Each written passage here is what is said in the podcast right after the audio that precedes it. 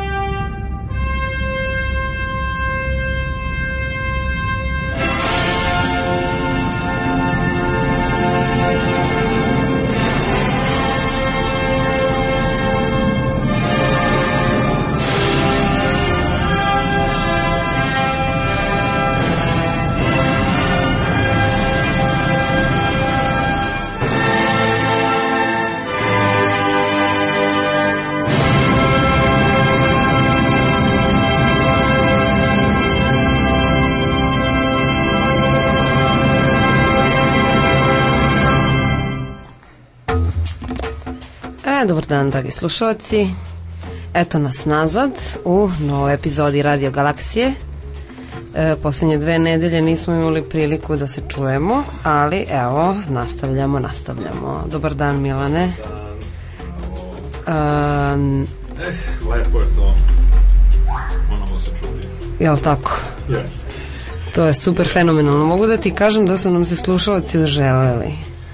Neki su čak pisali pisma. E, to je lepo to je lepo čuti, eto, mislim da je bila što sticanjem nepredviđenih okolnosti, što kako bi se nekada govorilo objektivnih teškoća i subjektivnih slabosti došlo je do došlo je do male pauze u našem radu, ali to je samo privremeno i neće nas obezhrabriti tačno tako a mi danas nastavljamo, imamo gomilu vesti, verovatno, pošto smo dve nedelje praktično Jeste, propustili. Jeste, bili smo odsutni dosta i u skladu sa tim nakupile su se i neke vesti, a i tako razna dešavanja, a i treba da se podsjetimo, mislim, onoga šta je bilo ranije. Tačno. Jeli, a, i tako, da, tako da ćemo onako lagano Možemo, dakle, polako, stvari, evo, rubriku po rubriku. Jeste. E sad ima jedna vest, zapravo, u stvari nju ću ipak da ostavim za, za, za kasnije, koja mi stiže na mail danas o jednoj tribini filmovima i tako dalje, pošto ona ima veze i sa ovim pitanjem pitanjem o kojima ćemo se ga baviti, baviti kasnije, a sad evo, ove, evo regularnih, što bi se reklo, vesti, evo prvo počnemo sa nečim što je onako najsvežije, a to je da je ovaj, počelo transportovanje nove rakete. Sad šta je to, o čemu se radi? Pa evo juče dakle utorak 12. oktobra NASA je, je, je krenula da prenese ovaj, novu raketu Ares 1 do mesta za lansiranje. I sad neko bi pomislio, a šta je sa to? E, odgovor je u tome što ona mora da ide mnogo polako, pošto je mnogo velika i onda se ona, mm. onda se ona lagano transportuje. E sad, Ares 1 zašto je to bitno? Pa zato što pričali smo već o ranije o teškoćama i problemima sa mm, programom Space Shuttle i tako dalje. Ove, ovaj, odgovor, jedan od kontroverznih programa koji treba da naslede sadašnji Space Shuttle je upravo ovaj program Ares ili Znači, prethodnih 4,5 godine otprilike je rađeno na razvijanju nove e, rakete, novog boostera koji bi bio u stanju da služi kao svojevrstan taksi servis za međunarodnu svemirsku stanicu, a mm. također da omogući i jeli, nove misije sa ljudskom posadom na mesec, e, što je jedan od strateških ciljeva NASA već duže vreme. E, sad, da li je da li je upravo baš ova, ova raketa koja, se, koja će se testira za koji dan, evo kažem sad je što se kaže prikazano u javnosti prvi put u potpunosti juče, bio je pre toga prototip takozvani RS-1X a, je e, dakle bio pre toga testiran u više mahova, ali onako bez neke velike javne kontroverze, javnog pokrivanja u medijima i slično. E sad ovo će biti posebno ovo će biti posebno dobro prihvaćeno, dobro praćeno, pripremljeno i tako dalje, jer je to zapravo prva realno nova stvar od nas je u zadnjih, bogami jedno 20 godina. Što se tiče, mislim, zove, znači, letova, potencijalnih letova sa ljudskom posadom. I sad, e, što se tiče performanse same rakete, ona je visoka čak 99 metara, što će reći, mislim, zove još od Saturna 5, mislim, zove koji je poslao ljude na mesec, to je najveće eh, vozilo do sada. I kako stoje stvari, ovaj, znači, u suštini, eh, ovo ideja jeste mislim zove da znači glavni glavni booster odnosno glavni stepen rakete mislim zove funkcioniše 2,5 minuta a zatim da se spusti, mislim, zove par, um, znači, pomoću padobrana će, da, znači, odbacit će se i pomoću padobrana će spustiti u Atlantski okean da bi mogao da bude, jeli, prono, pronađen i ponovo iskorišćen, te će ovaj probni let koji se, e, u koji će se uskoro uskoro ovaj, odigrati. Još nije tačno zakazano kada, zato što još uvek se razmatra u kontekstu kad su optimalni vremenski uslovi, posebno meteorološki i tako dalje. Ovaj, to mm, jasno je da će recimo da će predviđeni predviđeno lansiranje šatla Atlantis biti odloženo ne, za nekoliko dana upravo zbog ovog testiranja rakete Ares 1 tako da mm, sve u svemu je E, to nešto od čega se mnogo očekuje. Sad naravno ima dosta skeptika, ima ljudi koji smatraju da zapravo ceo taj znači, program nije dovoljno dobro osmišljen, da je potrebno naći neko radikalnije rešenje. Ovo su rakete koje su zasnovane na relativno konzervativnim i proverenim proverenim e, motorima na tečni vodonik pre svega e, tako da tako da sad ovaj, kao da li će to mislim zove da da li će to doneti zaista one željene rezultate ili ne to ostaje da se vidi ima nekih radikalnih varijanti mislim zove ima modula ide planova kao što su Orion i kao što su još neki znači ne onaj klasični Orion iz 50. ih godina na nuklearni pogon nego novi novi Orion ili Orion X kako se ponekad naziva ima još nekoliko alternativnih ideja pa sad šta će od toga na kraju prevladati ostaje da se vidi u svakom slučaju nažalost nastavlja se ona, ona situacija ista mislim zove kojoj mi za sada zapravo ne postoji nekakva dugoročna strategija u vezi sa mm. nastavkom letova sa ljudskom posadom u svemir kako, stoje, kako stvari stoje Uh, vidjet ćemo da li će to da se nešto, da se nešto tu promeni. To je inače interesantna tema i za, i za drugi deo naše emisije, pošto predstavlja jedan od on, jedno od onih polja na kojima se ukrštaju eh, politički, naučni, tehnološki i drugi interesi. Mm -hmm. E sad, jedna vest koja postaje sve aktuelnije, koju smo pratili u prethodnim emisijama Radio Galaksije, a to je da se više i više se bližimo decembarskom samitu Ujedinjenih nacija o klimatskim promenama u Kopenhagenu. E, Kopenhagenski samit ili kako bi ga nekako bi neki rekli Kyoto 2 ili novi Kyoto i tako dalje treba da treba da donese novu rezoluciju o borbi protiv novi protokol za borbu protiv klimatskih promena. Kako stoje stvari, mislim zove sada pripreme su ubrzano u toku Znači razne stvari su se dešavale i već je ono u Kopenhagenu već ono se sve sve spremno. Nedavno je bio neki jedan sastanak nevladinih organizacija koje se bave ekologijom u takođe u Kopenhagenu koja je jedna vrsta pripremnog samita e a ono što se dešava ovih dana upravo mi se zove jeste u Londonu su se sastali predstavnici 17 zemalja ali koji su, koje su najznačajniji emiteri gasova staklene bašte da bi napravili ajde da kažemo jednu vrstu pripremnih razgovora i jednu vrstu mislim zove ono ubeđivanja da, da se postigne ona vrsta sporazuma koja bi bila prihvatljiva za sve glavne emitere.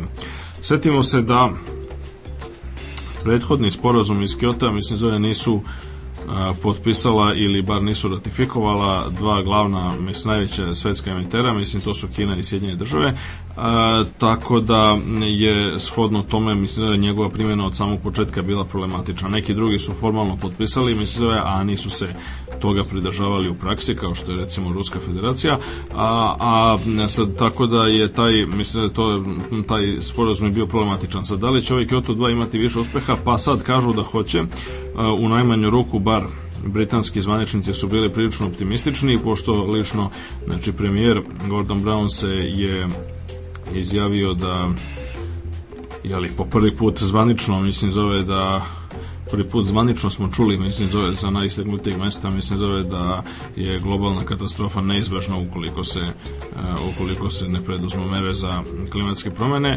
Ono što smo inače svi već znali, naravno, ali nije loše, mislim, zove čuti to i od političara.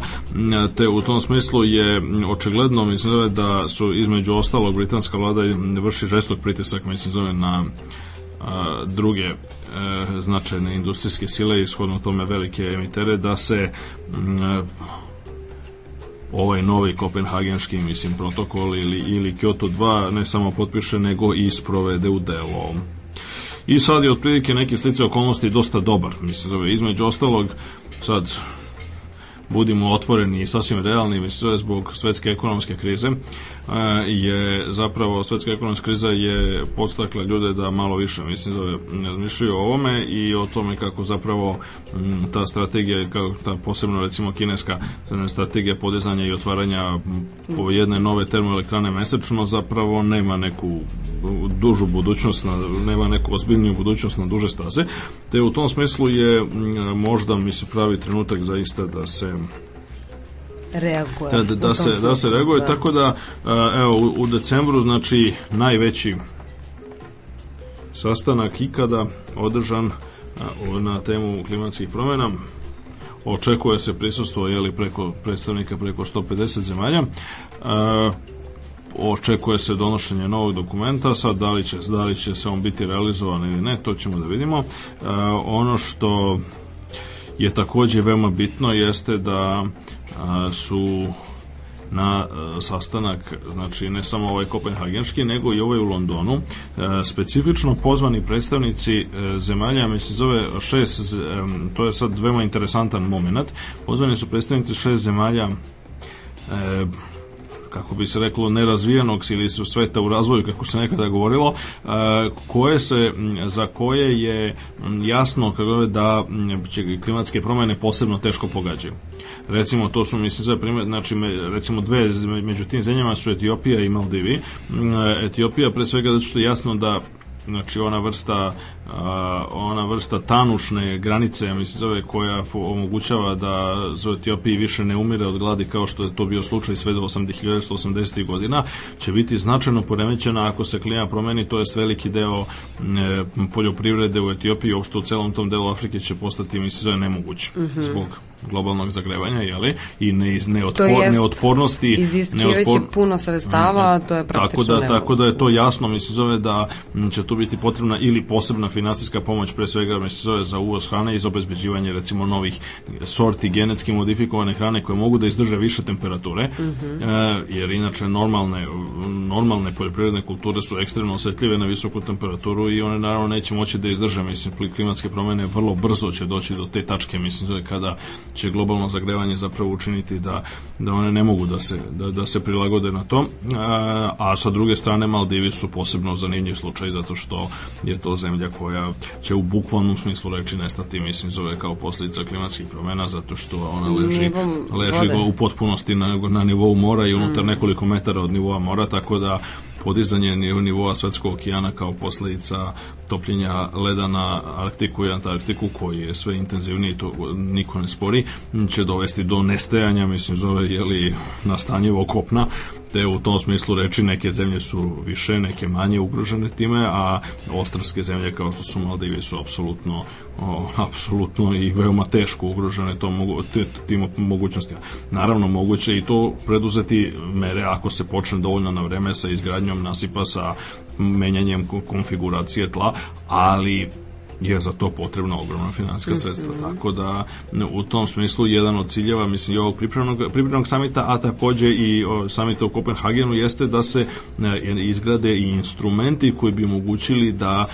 e, se da svetska zajednica reaguje e, sa raznim u raznim formama pomoći mislim zove za one krajeve i one zemlje koje su posebno pogođeni globalnim klimatskim promenama. U tom smislu mislim zove znači jedna što se išlo na ovaj, to, ovo, ovo jedna ste? inicijativa bit će još mislim zove znači nedelju dana za, za, za 14 dana mislim zove će početi a, nova runda mislim zove pripremnih pregovora koja će se odigrati ovaj put u Barceloni a, koja će trajati mislim zove takođe par nedelja tako da sve u svemu biće vrlo živahno do decembra a to ćemo da pratimo u Radio Galaksiji. Tako je. Sad možda, pošto imamo dosta tako vesti, možda malo da jednu malu muzičku pauzu.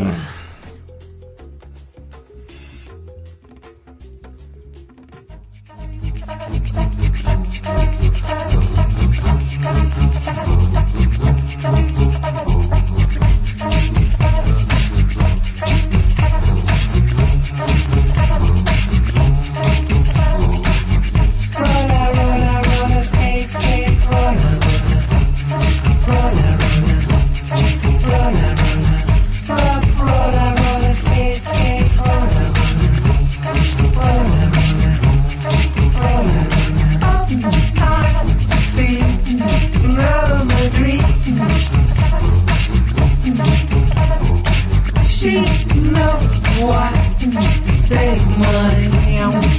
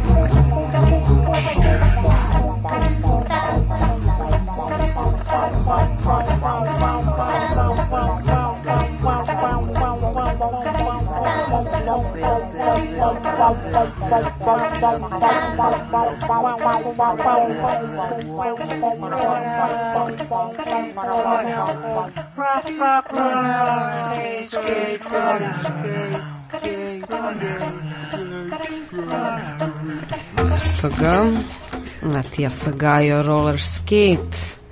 A mi nastavljamo sa vestima od prethodnih par nedelja. Jeste, jeste. Da vidimo šta se dešavalo jeste, u nauci, umeđu vremenu, u svetu. Zove, umeđu vremenu, ovaj, evo, jedan od najpoznatijih i najovako isteknutijih naučnika današnjice, profesor Stephen Hawking je otišao u penziju. A, stvarno? Ovaj, dakle, kako stoje stvari, ovaj, znači njegova čuvena katedra, Lukašijan professorship in mathematics, znači na Cambridgeu, koje je držalo nekih 17-18 ljudi u istoriji, počeo od Serisa Kanjutna do danas, je dakle promenila nosioca, znači zvanično gledano 30. septembra mi se zove je ovaj Hawking otišao u zvaničnu penziju što se tiče akademske karijere, što je bilo fascinantno pošto na kraju krajeva ono što je ono što je zabavno u svemu tome jeste što e, znači apsolutno niko živi ne bi pomislio i ne bi, ne bi mu ono, ne bi očekivao da će se on povući iz kako bi se reklo normalnih razloga mislim zove godina i tako to da. pošto kao što je poznato mislim zove znači njegova a, i teška bolesta znači MND, odnosno motor neuron disease,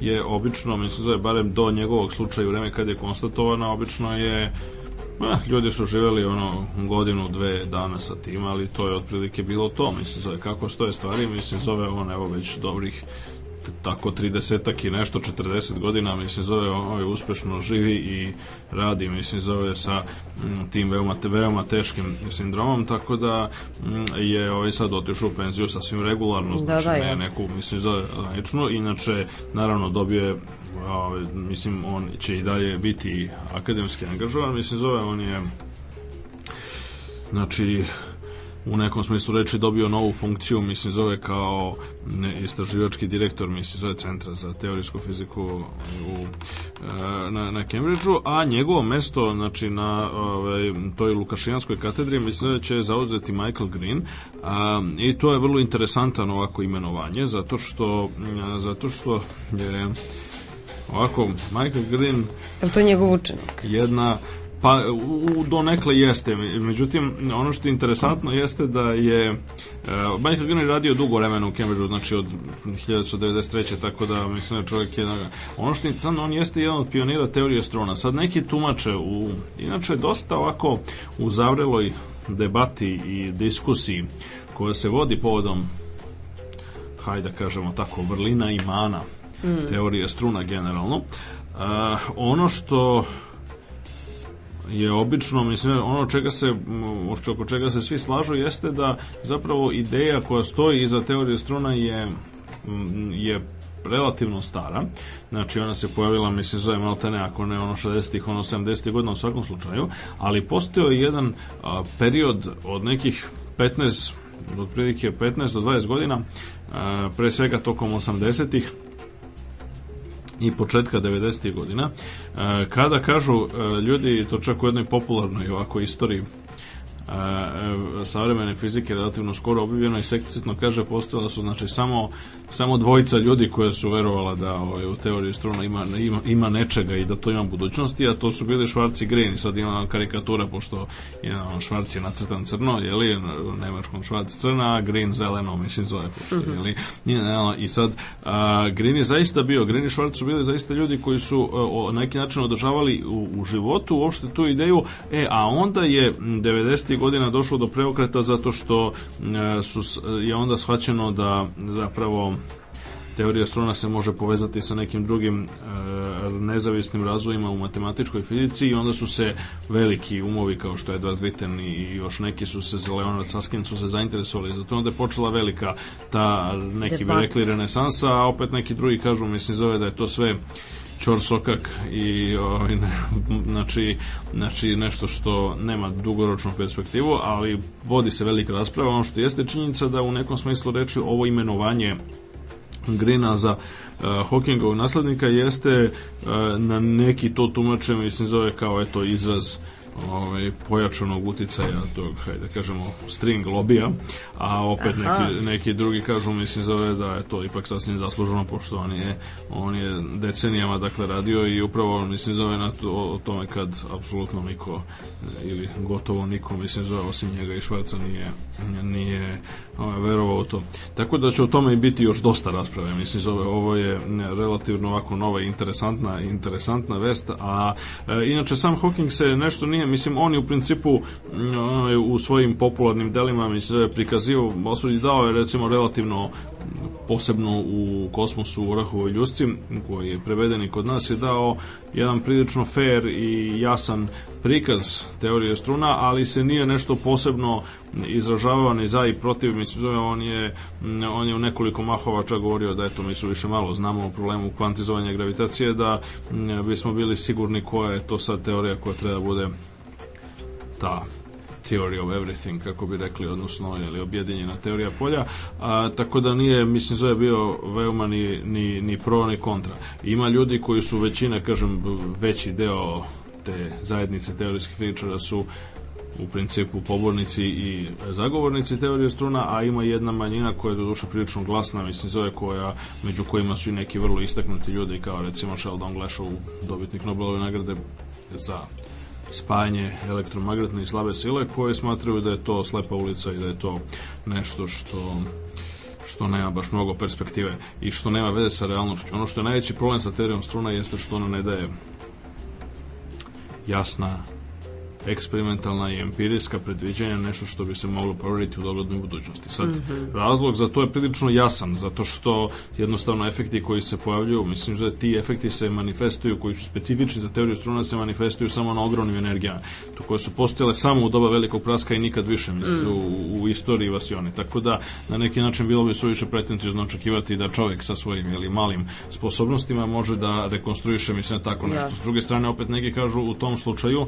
prosto nekako i nije, nije baš ni ovaj, bog zna kako mi se zove, nije, nije baš ni bog zna kako mudro imati suviše poverenja u to da bilo koja teorija koju, koju mi možemo da razvijemo će realno da opisujem znači tako ekstremne i tako duboke fenomene kao što je objedinjavanje svih interakcija. Uh -hmm. A, inače, jedna anegdota koja mi pada na pamet ovako, govoreći o tome, jeste da pre nekih 5 godina je se podigla u toj, u toj 2004. je bila velika prašina se podigla kada mhm. je već pomenuti Nobelovac Glešov je prešao sa ovaj, prestižnog Harvarda na mnogo manje, mislim, takođe prestižne, ali ipak mnogo manje Boston University.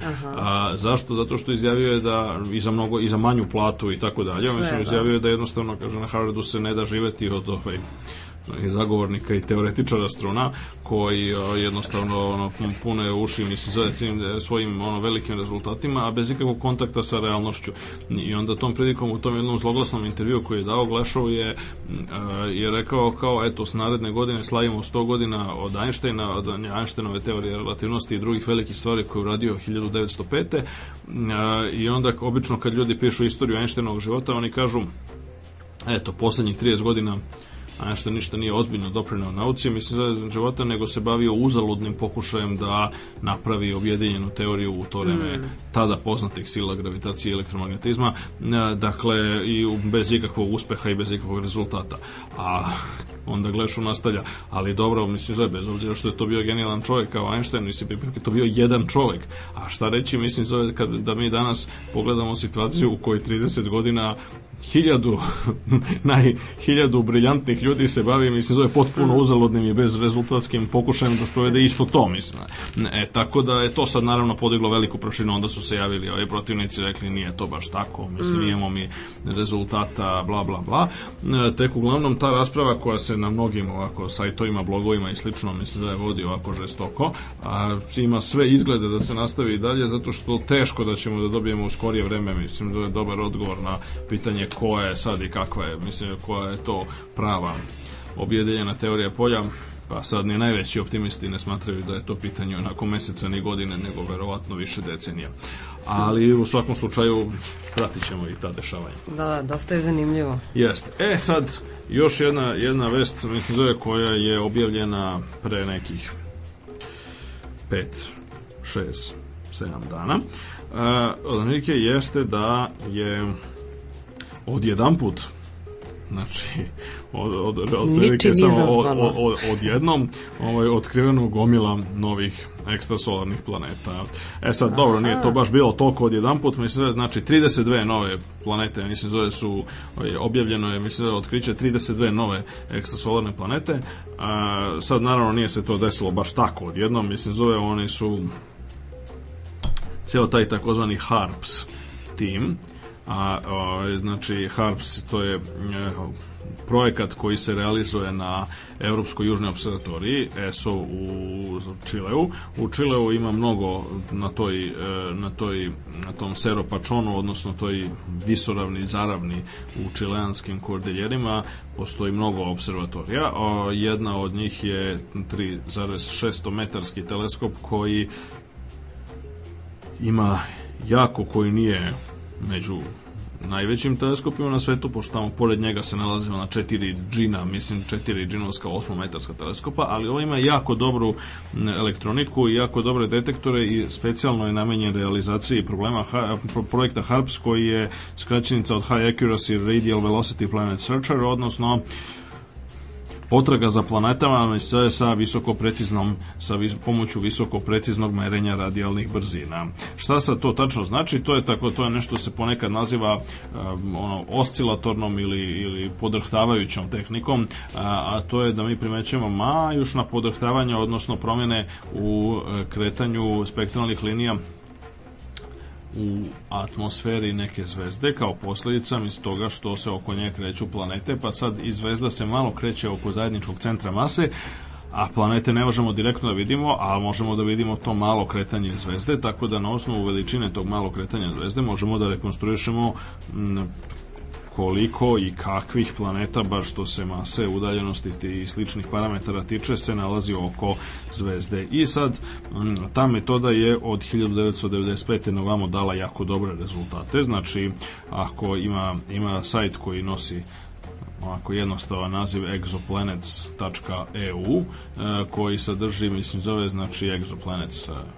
X, e, koji mhm. sadrži čitavu takozvanu enciklopediju van solarnih planeta. Oh. I sad enciklopedija van solarnih planeta govori u principu, mislim, zove oko kojih su zvezdan pronađene planete, koliko, što se zna o njima, bla, bla, bla. I taj sajt se regularno ažurira, mislim, i jako je lep i svesredno, svesredno ga e, preporučujemo. E, ajde, šta si rekao, kako se zove? Znači, ek, exoplanets, jedna reč, mislim, zove i x o p l a n e t s tačka EU.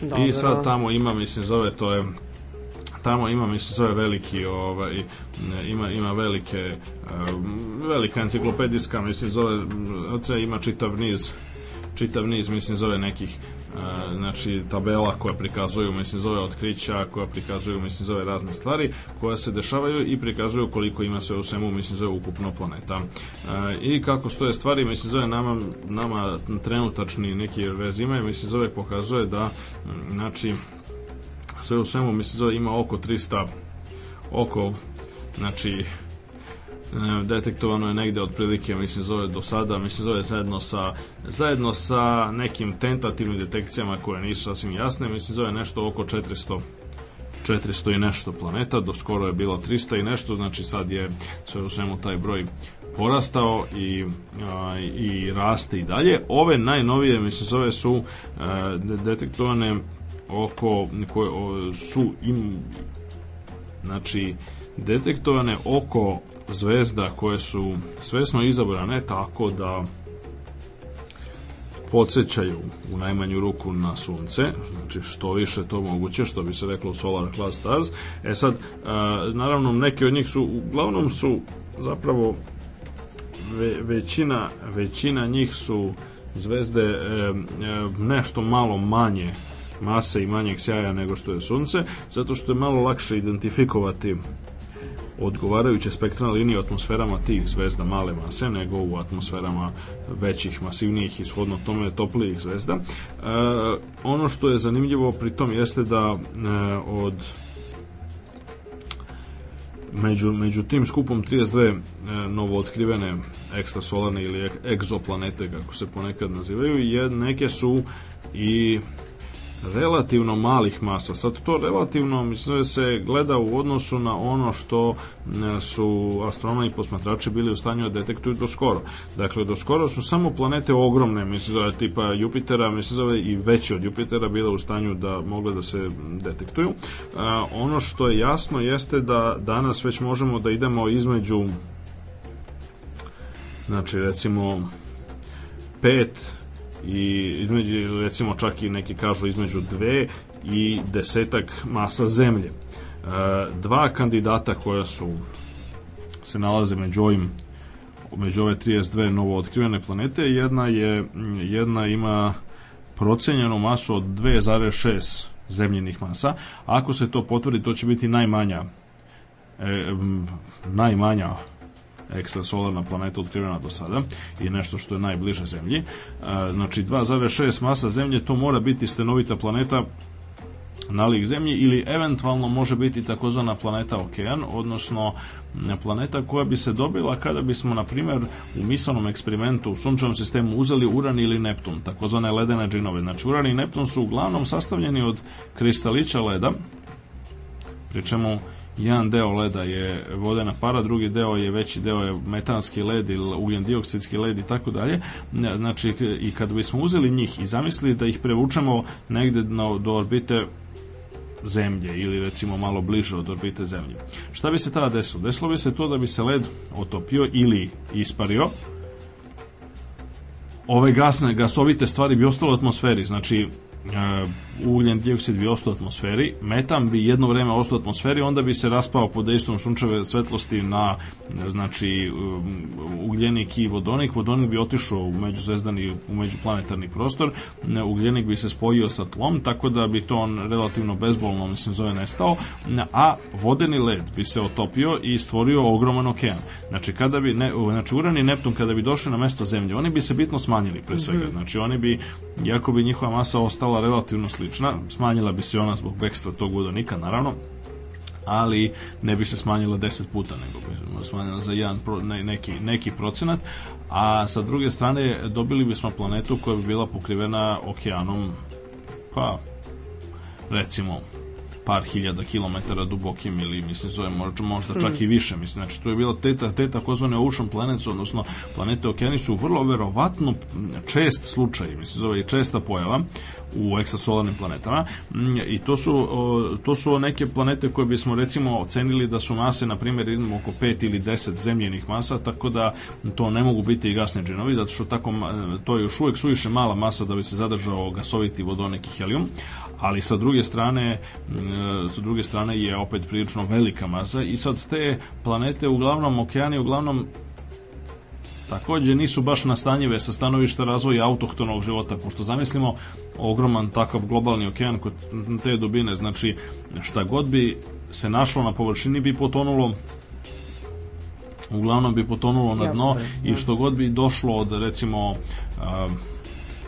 organskih materija na meteoritima, kometama i tako dalje palo bi na dno, a pri dnu, pri dnu tako, tako masivnog okeana pritisak bio toliko veliki da zapravo ne samo što bi se voda pretvorila, voda bi praktično bila tečna, ali bi imala tvrdoću mnogo veću nego što ima led, mislim zove u čvrstom stanju e, i čak bi se čak neki kažu da je mogla doći do tranzicije, mislim zove u metalno stanje, znači da bi voda pod tako visokim pritiskom koji je recimo milijardama puta veći nego što je atmosfera atmosferski pritisak, mislim da bi voda postala poput metala.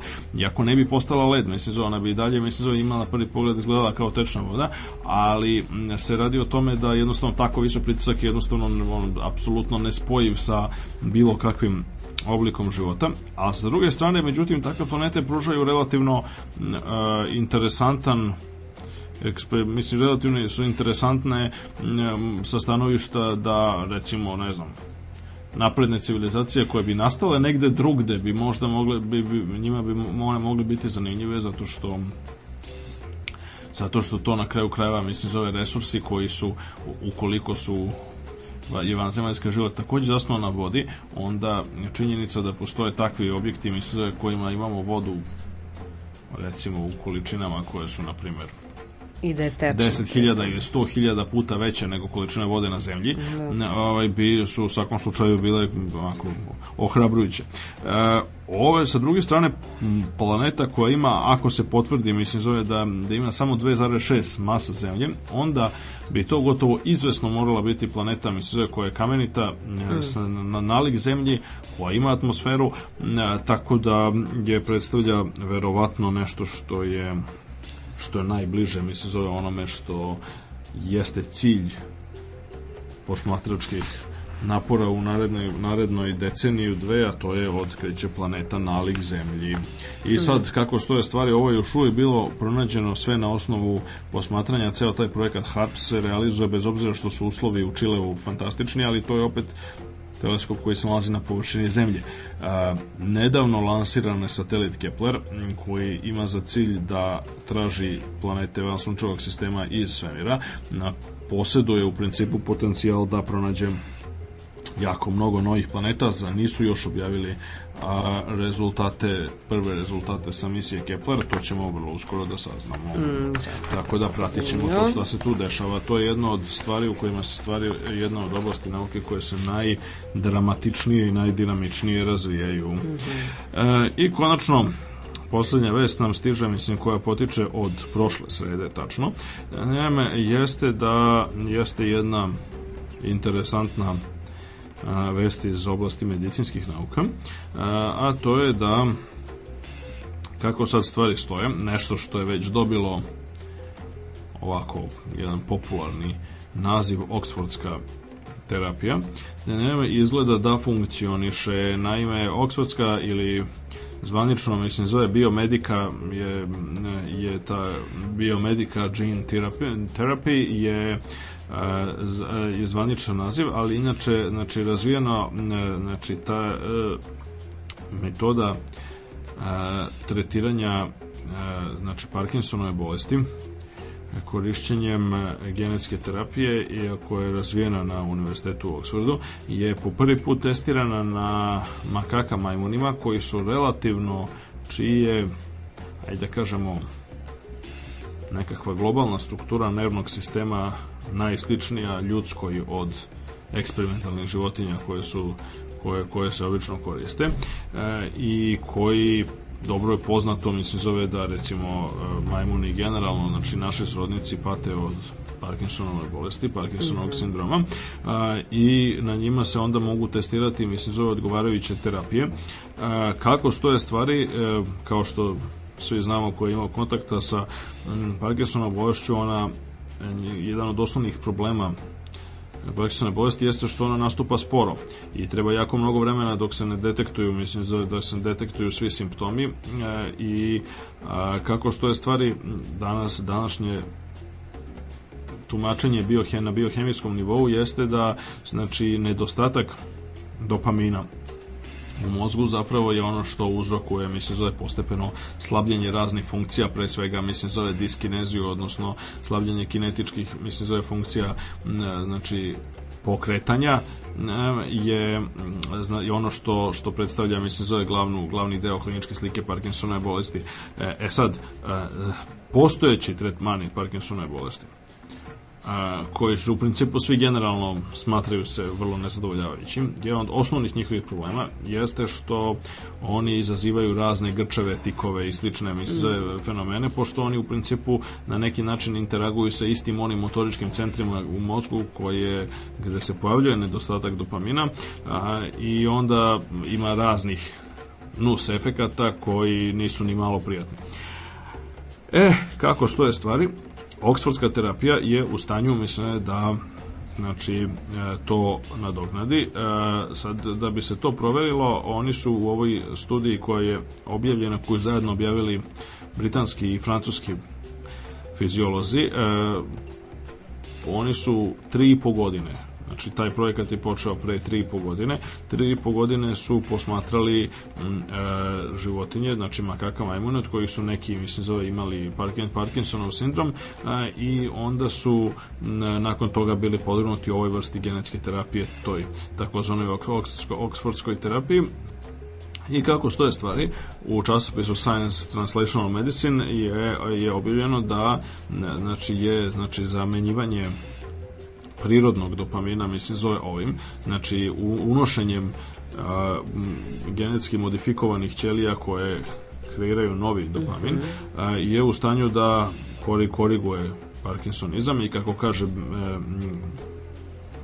profesor Džaraja, koji je e, rukovodilac ovog tima, bio u stanju je znači da e, izbegne sve komplikacije i diskinezije kod tretiranih subjekata, odnosno u ovom slučaju eksperimentalnih životinja, a u narednoj fazi, ovo sad trenutno je ono što medicinari zovu faza 1 i faza 2, rimsko 1 i rimsko 2 kliničkih testova, uh mhm. -huh. a kako stoje stvari, mislim, kada se pređe na fazu 3, e, onda će se znači, to testirati na ljudima, odnosno na dobrovoljcima, pacijentima od, od, od Parkinsonove bolesti. E, kako stoje stvari, nije primećen ni jedna vrsta nekakvog hajde da kažemo nekakvog e, opasnog ili uznemirujućeg nus efekta e, ono što je pojednostavljeno govoreći suština samog mehanizma mislim zove jeste da se znači direktno mislim zove u odgovarajuću regiju e, u mozgu se insertuju mislim zove ćelije koje sadrže tri dodatna gena a, e, koji su u stanju da konvertuju ćelije koje normalno ne proizvode dopamin mislim zove u one koje, koje ga proizvode. Tako da je kako stoje stvari ovo pravi primer, mislim zove jedan od najboljih primera, mislim kako u teoriji kako bi trebalo, mislim zove da genetska terapija funkcioniše. Da Sad živi bili pa videli, ali opet kažem imamo razloga za optimizam. Da, da, da zvuči totalno pozitivno. Jeste, a sad malo da zasviramo. Hoćemo da zasviramo, pa onda da napravimo osvrt na yes. grupu. Te. A? Hoćemo tako, ajde, mm -hmm. baš.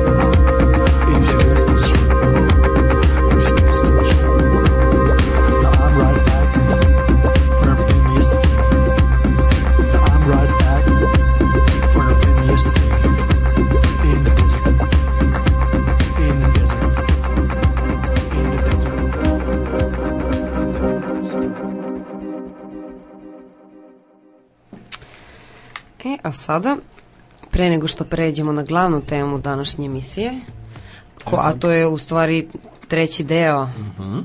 ovaj, e, ciklusa emisija uh -huh. vezanih za e, nauku i politiku.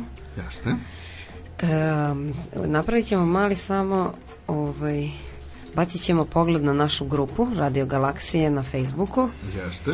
I u, uglavnom poruki su stizale vezano za to što nema emisije, ali tu je čak e, i jedan zanimljiv link Aha.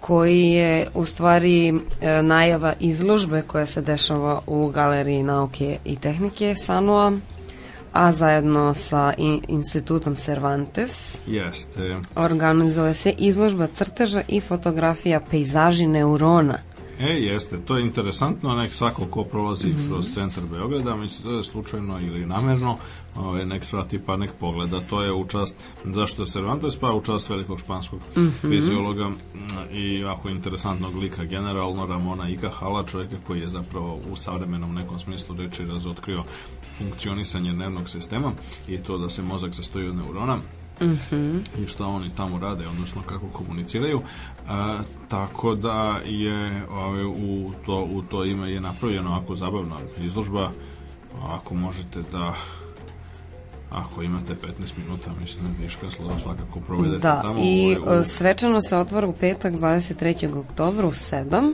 Jeste. A do 1. decembra traje. Jeste, znači, znači ono toko novembra, da kažemo, pojednostavljeno. Ove, ovaj, I ovaj lik jeste, nam je poslala ruža. Jeste, hvala, hvala e, to je, to, je, to je lepo i dobra prilika, mislim, zove da se podsjetimo i jednog velikog čovjeka. Uz bude rečeno, on je pisao neke naučno popularne knjige od kojih su ako se ne varam, dve prevedene kod nas ovaj, i u kojima on daje neke interesantne savete mladim naučnicima i drugim zainteresovanim za nauku, uh mhm. -huh. a, ovaj, koji onako imaju, mislim da jesu interesantni sami po sebi, a imaju onako neki pomalo antikvarni, onako jedan retro šarm ovaj, iz tog doba, mislim zove kad ih on pisao pre, boga mi, evo sad skoro još malo pa će, mislim da nije baš stotina godina, ali recimo recimo tri četvrt veka i tako. Mm -hmm. Tako da ovaj, je to je jedna od interesantnih stvari koja da. se gde dešavaju. Inače ljudi su bili zainteresovani za e, ovu ovaj, emisiju El Cross odnosno mm -hmm. odnosno za ovaj, čuveno bombardovanje mesta. Jeste. Dakle, ovaj, dakle, pa to je jedna zanimljiva misija generalno, koja je imala znači za cilj pre svega mi se zove da vidimo u kojoj meri kojoj meri možemo da dobijamo preciznije podatke o e, hemijskom sastavu mesečevog tla koji su e, neophodni da bi se je li, videlo koji deo resursa za buduću, mislim zove lunarnu bazu može da se koristi in situ sa lica mesta koji mora da se donosi sa zemlje. Da bismo to razumeli treba da imamo precizan hemijski sastav tla, posebno interesantan deo meseca blizu njegovog južnog pola gde je ranije tokom 90. godina sonda Klementina otkrila prisustvo leda, a toga nema mnogo, dakle leda mi se zove nema na mesecu mnogo zato što je on uspeo da opstane samo u onim nekim predelima uz ivice i obode kratera i u nekim provalijama gde vlada večita senka pošto mi se zove na mesecu gde tokom mesečevog dana temperatura tla na izloženim delovima suncu dostiže 300-350 pa i više stepeni Celzijusa, tako da mm, to led svakako ne može da preživi, niti bilo kakva voda koja ispari mm, za tren oka. E, u nekim regionima gde postoji večita senka, misle, onda mm, tamo bi mogao postoji led i tamo je sonda Klementina tokom 90-ih detektovala nešto što je ličilo na signature leda e, i sad to je velika nada u suštini čovečanstva zato što bi to omogućilo da se ovaj, da se napravi takva baza na mesecu da gde bi se moglo da se koriste lokalni resursi, odnosno pre svega lokalna voda, da ne mora voda da se donosi sa zemlje, što je jeli, vrlo skupo, vrlo neefikasno i slično. E, a da bismo videli šta još ima, mislim, zove tamo, a to smo i govorili o onoj radio galaksiji u kojoj smo govorili o kosmičkoj arhitekturi i o problemima koje znači izgradnja staništa i objekata u svemiru pa pre svega na mesecu kao najbližem i najaktuelnijem cilju stavlja pred inženjere. O, jedan od stvari jeste taj koji su to minerali, koje su to substance koje postoje u dovoljnim količinama u tlu. To može da se uradi na dva načina. Jedan je da uzmete uzorke sa samog mesta, što je naravno veoma skupo i da ih donesete na zemlju analizirate. Drugi jeste da znači, izvršite spektralnu analizu materije, e, ali da biste izvršili spektralnu analizu materije sa nekog mesta, vi mora da imate, mora da pretvorite to, mislim, mora da pretvorite to u, a, ga, u gasovito stanje, i da podignete dovoljnu količinu gasa, pošto tek onda je moguće, mislim, zove dobiti spektar, mislim, zove tako tog gasa i onda na osnovu toga zaključiti o čemu se radi i koji je hemijski sastav tu u pitanju. E, dakle, da bi se to izvelo, onda je, m, e, znači, jedan deo misije El Cross, a, dakle koja je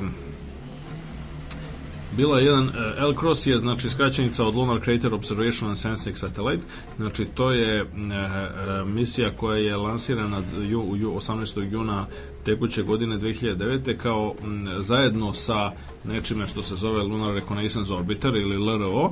Znači, LCROSS i LRO su zajedno ovaj, ušli u orbitu oko oko ovaj, oko meseca, a e, u suštini tre, ono što je e, trebalo bio zadatak LCROSS-a jeste da se posmatra, mislim zove kako poslednji e, stepen rakete Kentaur koji je imao nominalnu masu relativno malu, mislim zove negde, znači kada se isprazni od goriva, mislim zove on je težak svega negde oko 2,3 tone, da je on napravljen tako da bi udario u oblast kratera Kabeus blizu južno mesečnog pola i da bi da bi onda nakon toga podigao dovoljnu količinu e, znači isparenja i prašine sa, sa površine zbog udara da bi se ona mogla analizirati spektroskopskim uređaja postavljenim Aha, na, to je, dakle, na, na satelitu. A, I sad e, u, u, taj ono, sam impakt je uspešno se odigrao 9. oktobra tekuće godine a, tako da je je to uspešno urađeno. Sad, problem jeste u tome što je, znači, masa i kinetička energija, znači, tog Kentaura, tog poslednjeg, poslednjeg stupnja Kentaura je bila jednostavno prilično mala i u suštini ona je proizvela mnogo manju. Detektovana je ta mm, hajde da kažemo, taj oblak podignut, mislim, na prilikom sudara, ali on je bio mnogo manji i mnogo slabiji nego što je, mm, nego, nego što se očekivalo. Tako da... Kako, Nije bio 10 km, nego kako bio manji. Sa, pa ne, mislim da to je... Mm, problem jeste u tome što taj oblačić mislim da je bio jako, mislim još jako ono razređen i tako dalje. Zvanično, znači nakon mm, danas može da se danas može da se proveri mislim zove i to ima na ovaj nastavnim sajtovima znači može da se vidi u u infracrvenom i u i u optičkom infracrvenom mogu da se vide mislim zove snimci samog sudara gde se vidi mislim zove da to nije bio baš neki preterano spektakularan događaj mislim zove zapravo e, načinjen je neke majušnim maleckim, se zove krater koji je negde oko 20 metara mm, veličine i veoma male količine, se zove izbačenog materijala, mm, što u principu relativno loše, sad vidjet ćemo specijalne rezultate, dakle rezultate cele spektra analize nisu objavljeni još uvek, bit će objavljeni verovatno uskoro, mm, tako da vidjet ćemo, nažalost e, izgleda da je ovo bio suviše mali eksperiment u smislu da je a, jednostavno mislim da nije podignuto je do, i nije ispareno dovoljno materijala da bi se omogućila efikasna spektralna analiza. A, Da, tolika moguće medijska, je da ta lokacija ovaj, takođe moguće da- hajka, da a tako mali eksperiment. Pa moguće da je ta lokacija pa sad tako to često biva. A uh moguće da je ta lokacija sama po sebi a, relativno nepovoljna u smislu da sadrži manje ispadljivih materijala od m, mm, od od proseka, tako da to je jedan od teškoća, znači veoma je teško dobiti a, pouzdanu informaciju da. o hemijskom sastavu obje, ob, objekata koji nam nisu direktno dostupni i to je jedna od stvari koja e, na kojoj ostaje dosta da se radi e, kako stoje stvari, resursi koji postoje na koji su potvrđeni na mesecu kao što su pre svega laki elementi stvari kao što su recimo aluminijum i ove ovaj, su magnezijum i slične E, su za sada to je onako dosta izgledno, razne stvari mogu se prave staklo, staklena vuna i stvari kao što su recimo fotoćelije proizvedene in situ na mesecu bi bila svako vrlo isplativa i efikasna stvar, ali je problem u tome što za ljudski opstanak pre svega neophodna voda, a takođe i ove znači isparljive materije bogate ugljenikom, čega na mesecu nema i sad za ugljenik bi se još nekako i moglo, mislim, zove snaći, a ali što se vode tiče to je veliki problem ukoliko ona mora da se dostavlja sa zemlje. I problem je, ostaje da se vidi, mislim da dalje ima čitav niz nekih predviđenih daljih misija a, koje nekoliko sondi, mislim zove OLRO i LCROSS koje nastavljaju da funkcionišu u orbiti oko meseca. A, pre toga mislim zove je bila indijska indijska misija Chandrayaan 1, a pre toga je bila takođe japanska misija Kaguya, a, tako da sve u svemu mislim postoji jedan veliki napor da se razume priroda mesečevog tla kakvim će rezultatima on rezult, kako, kako će se rezultati postići, ostaje da se vidi. Mm -hmm. Dobro, a sada bi mogli polako da pređemo... E, jeste. Na... Umeđu vremenu, znači, evo sad, dobra, dobra, dobar šlagvort, mislim, za, za na, temu, e, ovaj, onoliko koliko budemo stigli opet da je pokrenemo, pošto vreme leti i zimi i leti, a boga mi i u ovim jesenjim danima, mm -hmm. a, jeste da se o tome ne govori mnogo u domaćim medijima, ali ono što ponekad se nešto provuče, ono što je u toku jeste velika rasprava o dokumentu takozvane strategije naučno-tehnološkog razvitka Srbije. I sad taj dokument čiji nacrt može da se vidi na sajtu e, Ministarstva nauke ili preciznije govoreći kako sad zvanično zove i kako oni strašno insistiraju na tome da se tu ne grešimo Ministarstva nauke i tehnološkog razvoja Srbije. E, tamo se nalazi predlog strategije koji je izradio takozvani Nacionalni savjet za nauku, to je jedno od tih nezavisnih tela kao što je recimo Visoki savet pravosuđa i kao što je Nacionalni obrazovani savet koji bi trebalo formalno gledano da je nezavisan od svih političkih, partijskih i, drugih interesa, ekonomskih i tako dalje, a i da napravi opštu globalnu strategiju o tome koji su to prioriteti, čemu treba posvetiti više, čemu manje pažnje, kako će se finansirati nauka i slično. I sad taj nacionalni savet je oformljen još jako davno, u svom prvom sastavu, ja mislim još negde 2003. ili 2004. Do skoro, realno govoreći sa sasvim evo pred našim slušalcima možemo biti potpuno iskreni, do skoro nije radio praktično ništa. A, onda je pre nekih desetak meseci, ako se ne varam, a, izvršen pritisak od strane ministra Đelića i drugih a, političkih struktura da se ta strategija konačno izgradi. Zvanično gledano strategija nosi naziv Strategija naučnog i tehnološkog razvoja Republike Srbije od 2009. do 2014. Paradoks jeste u tome što je 2009. kao što vidimo se skoro završava, a dakle strategija ne samo što nije usvojena nego se o, predlog, o predlogu vodi jedna vatrena de, debata, debata. A, koja je da, kao i većina javnih devata kod nas, nažalost, i ova što se tiče nauke je onako na prilično niskom nivou. Realno tu se koriste teške reči, koriste se razne kvalifikacije, mm. svašta se tu, mislim, zove, to su razna podmetanja, spoticanja, saplitanja i podmetanja noge i tako dalje. E, I e, ono što se generalno dešava jeste da e, jeste da je to sad u toku. Evo ja mislim da je nedavno pre par dana je istekao rok koji je ministarstvo postavilo za takozvanu javnu raspravu, odnosno za dostavljanje predloga, sugestija za izmenu kritika i tako dalje. Mhm. Ja koliko ovako in, a i na osnovu nekih insajderskih informacija, mislim, zove saznam, znači tamo je njima pristiglo bukvalno na stotine primetbe, kritika i tako dalje.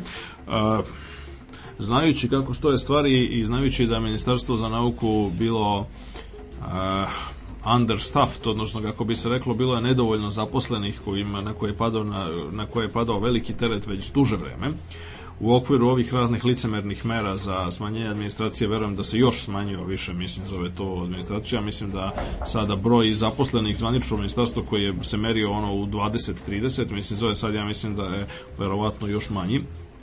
Tako da, za razliku od nekih drugih, ali zato važno da, da, da. ministarstvo za, za Kosovo i policiju, mislim, zove, za to imaju hiljade zaposlenih. Da, da. A, ono, što je, ono što je bitno jeste razumeti jeste da oni vrlo je sumnjivo kako će izaći na kraj mislim zove sa tolikim primjedbama, komentarima, sugestijama, tako da je vrlo verovatno da će među onome što će biti sumarno odbačeno bez mnogo ovaj, ulaženja u detalje biti jako korisni i ozbiljni predlozi i tako mm. dalje. Um, ono što je osnovni kad se pogleda tek strategije vidi se da tu zapravo postoje tri dela, jedan je jedan, jedan su neka mahom neka opšta mesta koja eto, mislim da su kod nas ponovo otkrivena kao rupa na saksiji, a to je da je to nauka ima značajnu ulogu u afirmaciji, mislim, zove srpskog društva, nauka treba da ima veću ulogu, veće prisustvo, ne znam, u medijima, u poljoprivredi, mm -hmm. u mhm. industriji, šta znam i tako dalje, što verovatno svi već znaju, osim možda, mislim, zove par političara, a ono što je, međutim, ono što međutim jeste novo, jeste da su stavljene prioriteta na, e, za pojedine oblasti naučnog i tehnološkog razvoja koji su, kako je primetila većina komentatora i kritičara, vrlo mehanički prepisani od strane zemalja koje su daleko naprednije u dalekom boljoj poziciji nego što, nego što smo mi.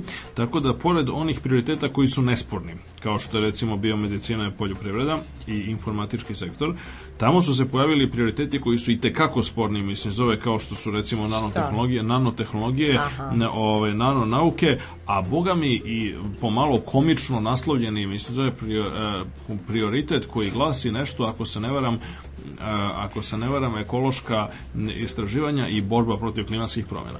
E, dakle, e, mi smo da, da. sad pričali o ovome, mislim o čemu smo pričali, mi smo svakako svesni, mislim da niko neće, mislim Radio Galaksija će posljednja da negira da su klimatske promjene bitne. Jasne. Ali to da će Srbija ovaj, doprineti borbi protiv klimatskih promjena ili da će Srbija u kojoj otprilike ima pa mislim zove, ajde budemo realni negde recimo ja bih rekao između 10 i 15 ljudi koji na profesionalnom stručnom nivou razumeju šta su nanotehnologije, ja bih rekao 10 do 15, mislim, za eventualno možda 20, ove, ovaj, ljudi, to da, da, da se na to stavlja prioritet, i da će to biti jedan glavnih mislim izvora, izvora stvari u koji će se mislim ulagati je naprosto gotovo komično. Pa da, Ovo je dobro, možda na nivou su, na nivou o... onoga vidla žaba da se konje da. kulju da. i tako dalje mislim. Da, da, da, pa možda je samo trebalo drugačije da formulišu bar ovaj deo koji se tiče e, borbe protiv klimatskih promjena u ono što je što je moguće da bude prioritet, a to je zaštita životne sredine a, i održivi razvoj. Apsolutno,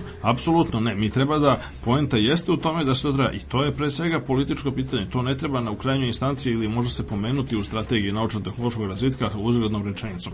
Nikako da stavlja prioritet na to, nego mm. treba pomenuti i to treba da bude isključivo u nadležnosti i to time treba da se bavi Ministarstvo spoljnih poslova pre mm-hmm. svega mm. i da se pobrine da se mi priključimo i da se da poštujemo sve obaveze koje proističu iz raznih protokola, mislim zove o evo iz ovog budućeg kopenhagenskog protokola i slično. A ne da se trguje sa tim, mislim zove kako će se glasati na osnovu toga, mislim zove ne znam, na osnovu nekih drugih političkih, mislim zove stvari kako se se kako na, ove, se jeli, druge zemlje opredeljuju da li po pitanju Kosova ili po nekom drugom pitanju, mm -hmm. pa da mhm. se oko toga trguje, nego treba da se oko toga zauzme jedan principijalan stav koji će se poštovati. A to sa striktno govoreći, sa prioritetima i ulaganja u nauku i tehnologiju nema mnogo veze. Mm. Još je komičnije, znači, ulagati u, baš tamo se još kaže, nanotehnologije i nanonauke, mislim, što sve lepo zvuči i pompezno, ali kao što rekoh, mislim, treba, potrebne su decenije da bi se razvila infrastruktura. To uh mhm. -huh. može biti prioritet u Nemačkoj, ne, ne, ovaj, u Japanu i, i u Francuskoj i drugde, mislim, gde postoji infrastruktura, gde postoje yes, realno stotine, ako ne i hiljada ljudi koji se time bave. U Srbiji to može da se stave temposta postave temelji za to, ali to sigurno ne može biti u strategiji od 2009. do 2014. Mm, mm, I naravno, mislim, zove još ono tu ono kao posledica, kao posledica, znači lobiranja sa raznih strana, onda su tu pojavili gotovo komični, gotovo komični e, prilozi. Na primjer, na jednom mestu, mislim, da je, znači, usred opštih odredbi i opštih akata koje same po sebi mislim da treba da imaju mislim da karakter takav da će odrediti samo jednu globalnu znači samo ime kaže znači strateški pristup problema tamo se nalaze recimo usred toga odjednom se za primer ne znam popravke postojeće infrastrukture navodi bukvalno ću citirati reči kao na primer popravka zgrade Prirodno-matematičkog fakulteta u Beogradu koja tone kraj mhm. citata E sad to, ako pretpostavimo, a ja interpretiram da to, to, to, to, da to tonjenje, mislim, zove se, zapravo interpretira bukvalno, a ne figurativno, mada se može diskutovati dosta i o figurativnom značenju mm -hmm. o, o, o, toga, ali, mislim, zove, apsolutno, znači, toj vrsti, mislim, zove, toj vrsti konkretnih primjera tamo nema mesta, nego je to se radilo očigledno da je lobby jedan dovoljno jak da je mogao da progura to da će se to staviti na papir crno na belo bilo gde, pa makar, mislim, zove i u opštoj strategiji našeg razvoja. Jasne, Što nas vodi opet mi se zove dalje na e, situaciju u našoj nauci, vodi nas recimo do maila koji, a i uopšte u nauci, u jeli, okruženju koje pretenduje da bude demokratsko, što je samo po sebi, mislim zove, bitna, bitna stvar i ovaj, predstavlja dobar šlagvord za temu o kojoj ćemo govoriti dalje, a to je poziv na tribinu u Francuskom kulturnom centru o e, projekciji e, filma o upravo pomenutim klimatskim promenama. I učesnici su pored dva gosta, mislim zove iz iz Uh, iz Francuske, mislim, jeli, zato je organizao Francuski kulturni centar, profesor Seralini i profesor Lemoan. Uh, dakle, tu su, mislim, zove i uh, dva naša učesnika, uh, profesor Ljubiša Topesirović i profesor Tomislav Pavlović i e, je moderator gospodin Konstantin Ilijević, ako kažu u obaveštenju. To se dešava utorak 27. oktobra 2009. u 20 časova u bioskopu Balkan, mm. braća Jugovića 16. E sad, ja, ovaj, dakle, mogu samo da podržim, naravno, znači, bit će, ok, izvinjavam se, znači, e, ima dva dela, mislim, znači, ovaj drugi deo, znači, film, projekcija filma, dokumentarnog filma je u Bioskopu Balkan u rečno vreme, a pre toga, isti taj utorak 27. oktobra, je debata ova rasprava, debata i predavanje je u 17 časova u, na Hemijskom fakultetu na Stojanskom trgu. I to sve lepo organizatori Francuska ambasada u Srbiji, Francuski kulturni centar u saradnji sa Hemijskim fakultetom Univerzitetu u Beogradu. I to je sve lepo i to je svaku pohvalu. E, osim jedne male sitnice na koju ću ja sad svesno da, ove, ovaj, da ukažem ovde. Znači, jedan od učesnika, mislim, zove, znači, jeste a, profesor Ljubiša Topisirović, predstavljen kao biolog, iz Srbije. On je bio e, doskora, ja ne znam da li još uvek prorektor Beogradskog univerziteta za osnovne istraživanja, e, a to je nešto što dosta govori o stanju u našoj nauci, pogotovo o stanju na Beogradskom univerzitetu, što čovjek koji je bio prorektor i koji je znači, bio na najvišim položajima, je čovjek koji je pravosnažno osuđen na sudu časti Beogradskog univerziteta za zloupotrebu položaja.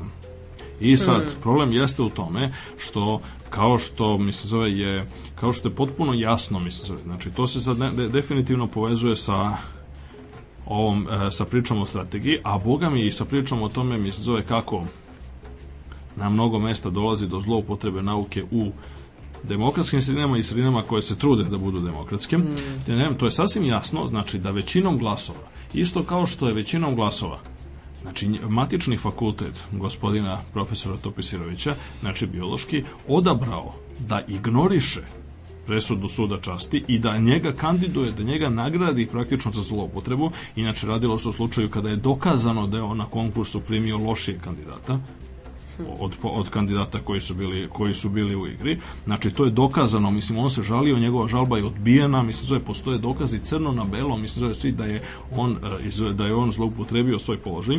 A, međutim, nakon toga on je kao nagradu bio od strane matičnog fakulteta većinom glasova demokratskom procedurom, uh mhm. -huh. da, se, da se naglasi, bio predložen i izabran za prorektora iz celog univerziteta i u funkciji toga nastavlja se njegov karijera, evo, evo sad vidimo, učestvuje i u tribinama pa je... sa francuskim kolegama i tako dalje.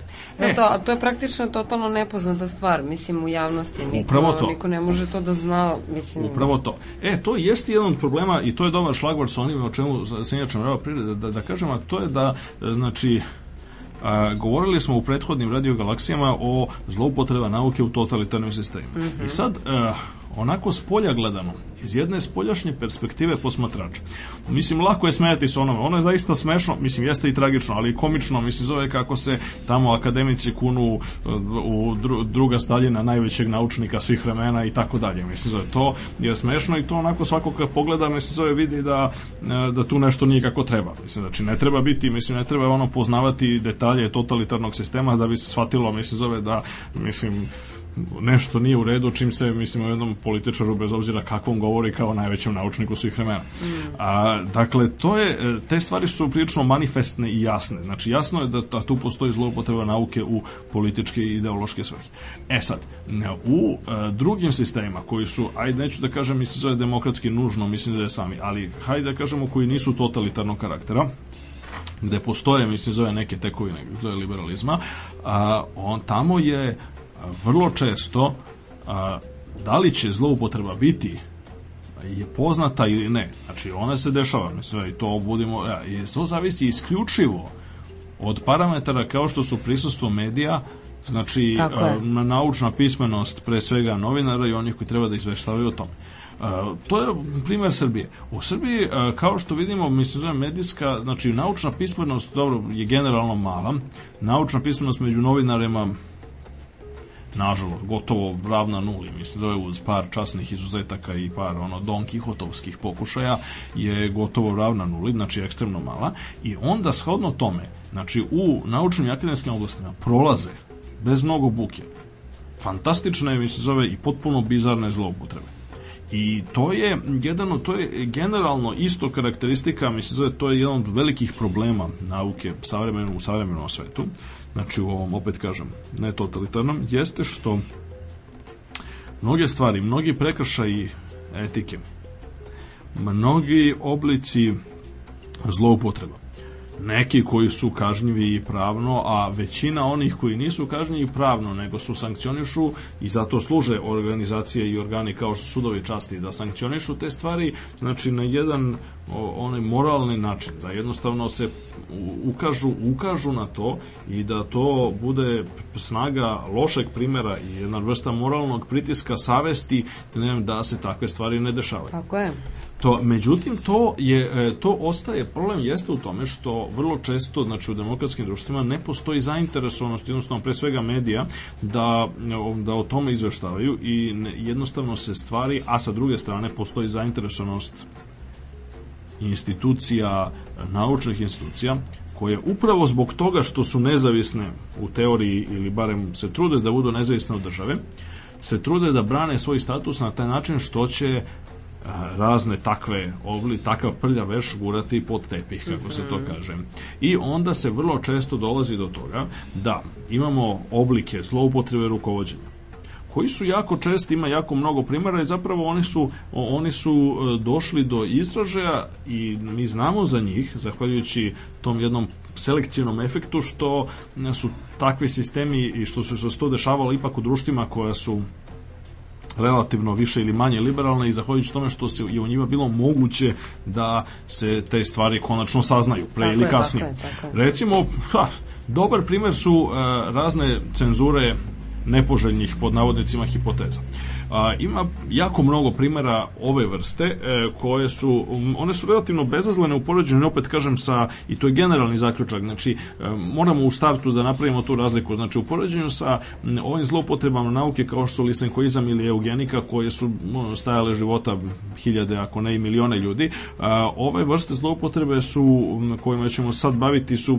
relativno bezazlene u tom kontekstu, što naravno nipošto ne znači, mislim, zove da je to nešto treba tolerisati i da je to nešto protiv čega se ne treba boriti. Mm -hmm. Znači, i protiv malog zla se takođe treba boriti.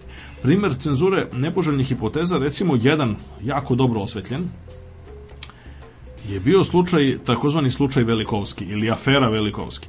Uh, Immanuel Velikovski, jedan psihijatar, dosta ugledan u psihijatrijskim krugovima, koji je iznenada, znači rođen u Dakle, nekadašnjoj carskoj Rusiji, radio jedno vreme, mislim, zove u Nemačkoj između dva svetska rata, pa onda radio u Izraelu, bio jedan od osnivača e, cionista, jedan od osnivača Jerusalimske akademije nauka, mislim da, da danas Izraelske akademije nauka i tako dalje, je čovjek koji je a, 1940. godine, kako sam kaže, slučajno čitao je neke papirose, prevode nekih papirusa a, iz, na biblioteci Kolumbija univerziteta i jednostavno je a, odjedno mu je tako sinula mu je ideja mhm. koju se kasnije posvetio ceo život, da to je da pokaže da su događaji koji su opisani u knjizi u knjigama Starog Zaveta i događaji koji su opisani u egipatskim papirusima zapravo a, odraz realnih a, e, kosmičkih katastrofa koje su se dešavale tokom znači antičke drevne istorije, mm. ali tokom istorije čoveka.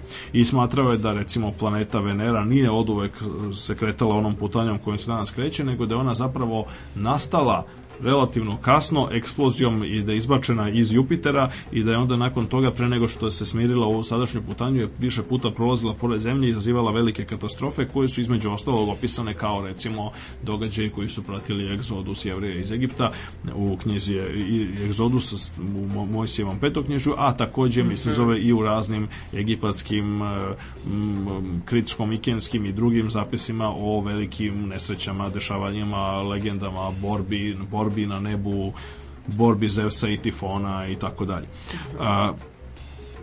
Tu ideju Alekovski izložio u čitavom nizu knjiga koje je napisao od 1950. na ovamo. 1950. je napisao svoju glavnu knjigu Worlds in Collision, Svetovi u sudaru, koja je u nekom smislu reči i dan danas jedna vrsta bestsellera, onako underground bestsellera i tako dalje. Ono što je interesantno jeste da njegov originalni izdavač, Macmillan, velika izdavača kuća, poznata pre svega mislim da je po e, fantastično dobro i kvalitetno e, u, izađe, u rađenim univerzitetskim učbenicima, je bila izložena, kada je ta knjiga izašla, došlo je do strahovite, e, e, strahovito, ajde da kažemo, negativne reakcije jednog dobrog dela naučne javnosti, posebno mislim zove dela skoncentrisanog na američke naučne javnosti, naravno skoncentrisanog na Novu Englesku, Boston i posebno na, na Harvardski, univerzitet, Harvardski univerzitet, koja je dovela do toga da je na Macmillana izvršen strahovit pritisak koji je na momente imao elemente cenzure. Mm. E, usput treba napomenuti da se to na nekakav bizaran način ispreplelo, mislim, zove sa drugim stvarima, to je bilo doba makartizma u Sjedinjenim državama i ta jedna vrsta, mislim, zove medijskog progona i medijskog linča je nije bila nepoznata, mislim, ona se dešavala, samo što ovo je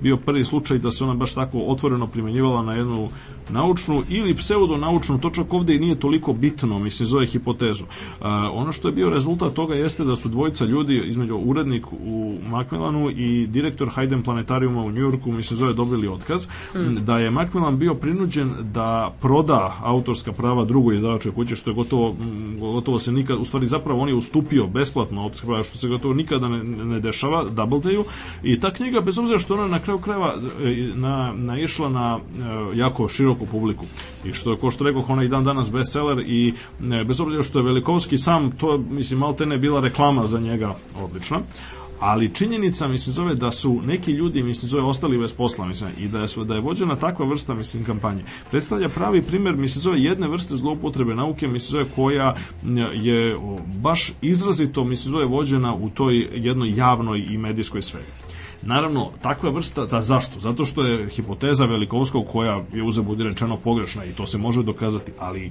njeni protivnici, ljudi kao što je Donald Mansell i drugi koji su je osporavali, je nisu osporavali na osnovu toga što su oni dokazali, mislim, zove da je ona pogrešna. To se tek kasnije, mislim, desilo i kasnije su napisane ozbiljne hladnokrvne knjige racionalne u koje je dokazano da, da to nije slučaj.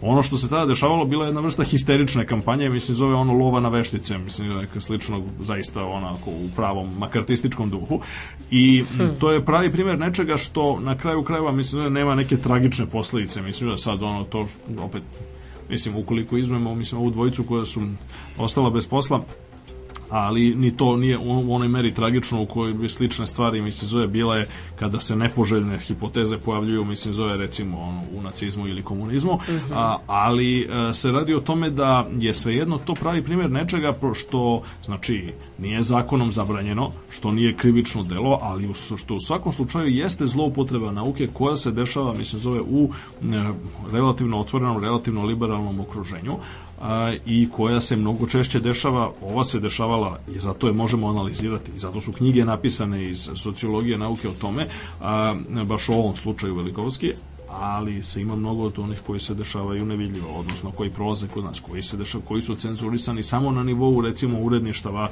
časopisa ili izdavačkih kuća i slično. A, urednici časopisa imaju jako veliku moć prilikom, pošto konji, na kraju krajeva svi novi rezultati prolaze kroz njihove ruke, mm -hmm. oni mogu odabrati da li će, da li će novi rezultati biti hajde da kažemo povoljni ili ne, da li će biti predstavljeni u pozitivnom ili u negativnom svetlu, da li će biti gurnuti u fioku i tamo stajati dugo vremena, To su praktično političke funkcije. Ima čitav niz slučajeva koji su, pa upravo tako, no. Da. recimo, e, recimo pa, e, slučaj dešavanja, mislim, za u vezi sa otkrićem insulina je, mhm. na primjer, karakterističan, pošto kao što je poznato za otkriće insulina, ko dobitnik Nobelove nagrade, pored Bentinga, mislim, zove velikog kanadskog E, biohemičara koji je koji je otkrio insulin je bio i McLeod, odnosno njegov mm -hmm. direktor laboratorije, koji zapravo nije ništa drugo radio osim što je smislio naziv mislim zove novog preparata. I ne samo što, je, što nije radio, on je zapravo aktivno ometao ometao promociju novog preparata time što je Bentingovo otkriće držao u fioci ne znam koliko meseci, mislim zove, a uopšte mislim zove, umesto da umesto da ga promoviše maksimalno i umesto da shvati da je to stvar koja spasava milione života širom sveta.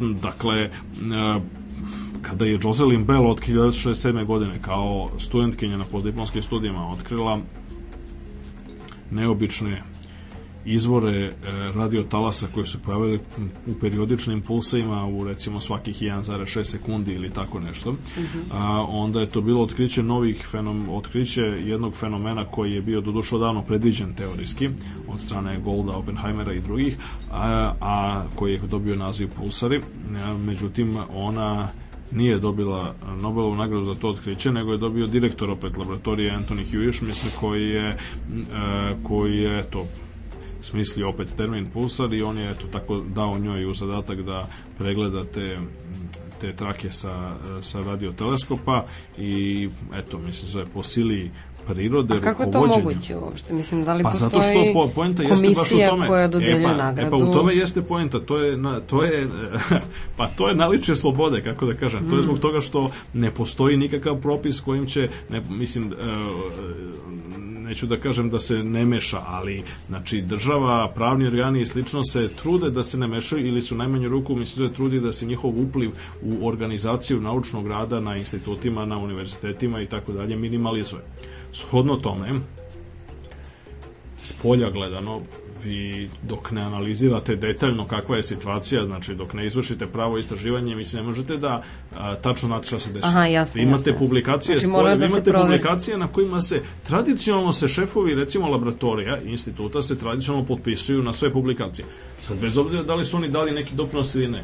Vrlo često se dešava da ljudi koji su uh, nagrađeni za neka otkrića, to posebno komično u slučaju recimo otkrića u jako velikim laboratorijima, kao što je CERN. Carlo Rubija je dobio Nobelovu nagradu uh, za fiziku svoje vremeno za svoj doprinos otkriću intermedijarnih, takozvanih intermedijarnih vektorskih bozona, odnosno W plus minus i Z0 čestica koje prenose slabu silu na isti onaj način na koji recimo fotoni prenose elektromagnetnu silu a, to je urađeno u CERNu, to je tačno to je urađeno pod njegovim rukovodstvom i to je tačno ali to su je uradio tim iza koga je potpisano recimo 150 ljudi ili tako nešto a gle čuda mislim zove on i još jedan čovjek Van der Meer su dobili Nobelovu nagradu za to otkriće. Mm -hmm. Sad, mislim, da sad da li je da li je baš tako izvesno da je njihov doprinos bio ključan, a ne nikog od onih ostalih, recimo 148.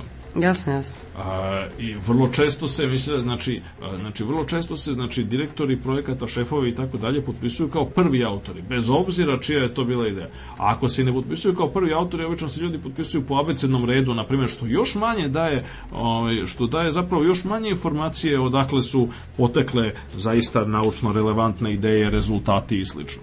To je jako teško otkriti. Primer Karla Rubi je jako dobar, što taj čovjek je kasnije iz Cerna otišao da bude generalni direktor Ali ni manje ni više nego ove propale italijanske aviokompanije. Mm, Sa šta to govori? Pa to govori, mislim, zove da on za, zapravo realno gledano nije bio nikav naučnik. Mislim, zove, on je menadžer, mislim, bio i menadžer, ostao, mislim, pa. zove čovjek koji je, mislim, zove, na direktorskom poziciji i tako dalje. Da li on, mislim, ja verujem da on razumeo, mislim, zove značaj otkrića u Cernu i tako dalje, ali to da on bude toliko zaslužen, mislim da dobije Nobelovu nagradu je recimo pa po meni duboko, dubok primer zloupotrebe. Sa druge strane ljudi koji su se na ovaj i ovaj način ogrešili u establishment nema, nemaju načina mislim da budu adekvatno mislim zove ili tek obično često posthumno mislim zove im bude odato priznanje ima jako mnogo primjera, ima nekih tragičnih, recimo Oswald Theodor Avery, čovjek koji je razumeo da je DNK upravo ta substanca da se, da se da je DNK upravo ta substanca koja predstavlja hemijsku osnovu nasleđivanja. Znači on nije razumeo njenu strukturu, to je ono što su kasnije otkrili Crick i Watson. Oni su dobili Nobelovu nagradu Mises koja je takođe kontroverzna, zato što je njome izbar, zato što su dobili Crick, Watson i Wilkins, a izbačena je žena, mislim Rosalind Franklin koja je čije su zasluge bile podjednako velike kao i njihove, verovatno veće nego što nego Wilkinsonove. Neki kažu, mislim, zove da je to primjer diskriminacije prema ženama, ja ne bih ulazio hmm. toliko daleko, ali u svakom slučaju da je ta, recimo, ta, konkretno to priznanje za otkriće strukture DNK vrlo sumnjivo, um, no sa druge strane pre njih Znači, Avery je bio taj koji je razumeo o čemu se radi. Avery je čovjek koji je, to, mislim, zove, bio teško bolestan, umro je relativno mlad. E, tek mnogo kasnije, posthumno, mislim, zove, je shvaćeno da zapravo to njegovo otkriće koje je pravi početak molekularne biologije, znači ne razumevanje strukture DNK, nego pre toga Averijevo otkriće da je baš DNK ta substanca i da su mhm. nukleinske kisline upravo te substance koje predstavljaju osnovicu prenošenja informacija, je tek je valorizovano tek mnogo nakon njegove smrti, pošto je on smatran kao neka vrsta outsidera čovjek je radio daleko od onog glavnih centara, mislim zove rada, čovjek je bio onako, mislim zove nekako izolovan i posmatran, mislim zove kao outsider i jednostavno nije nije dobio adekvatno priznanje.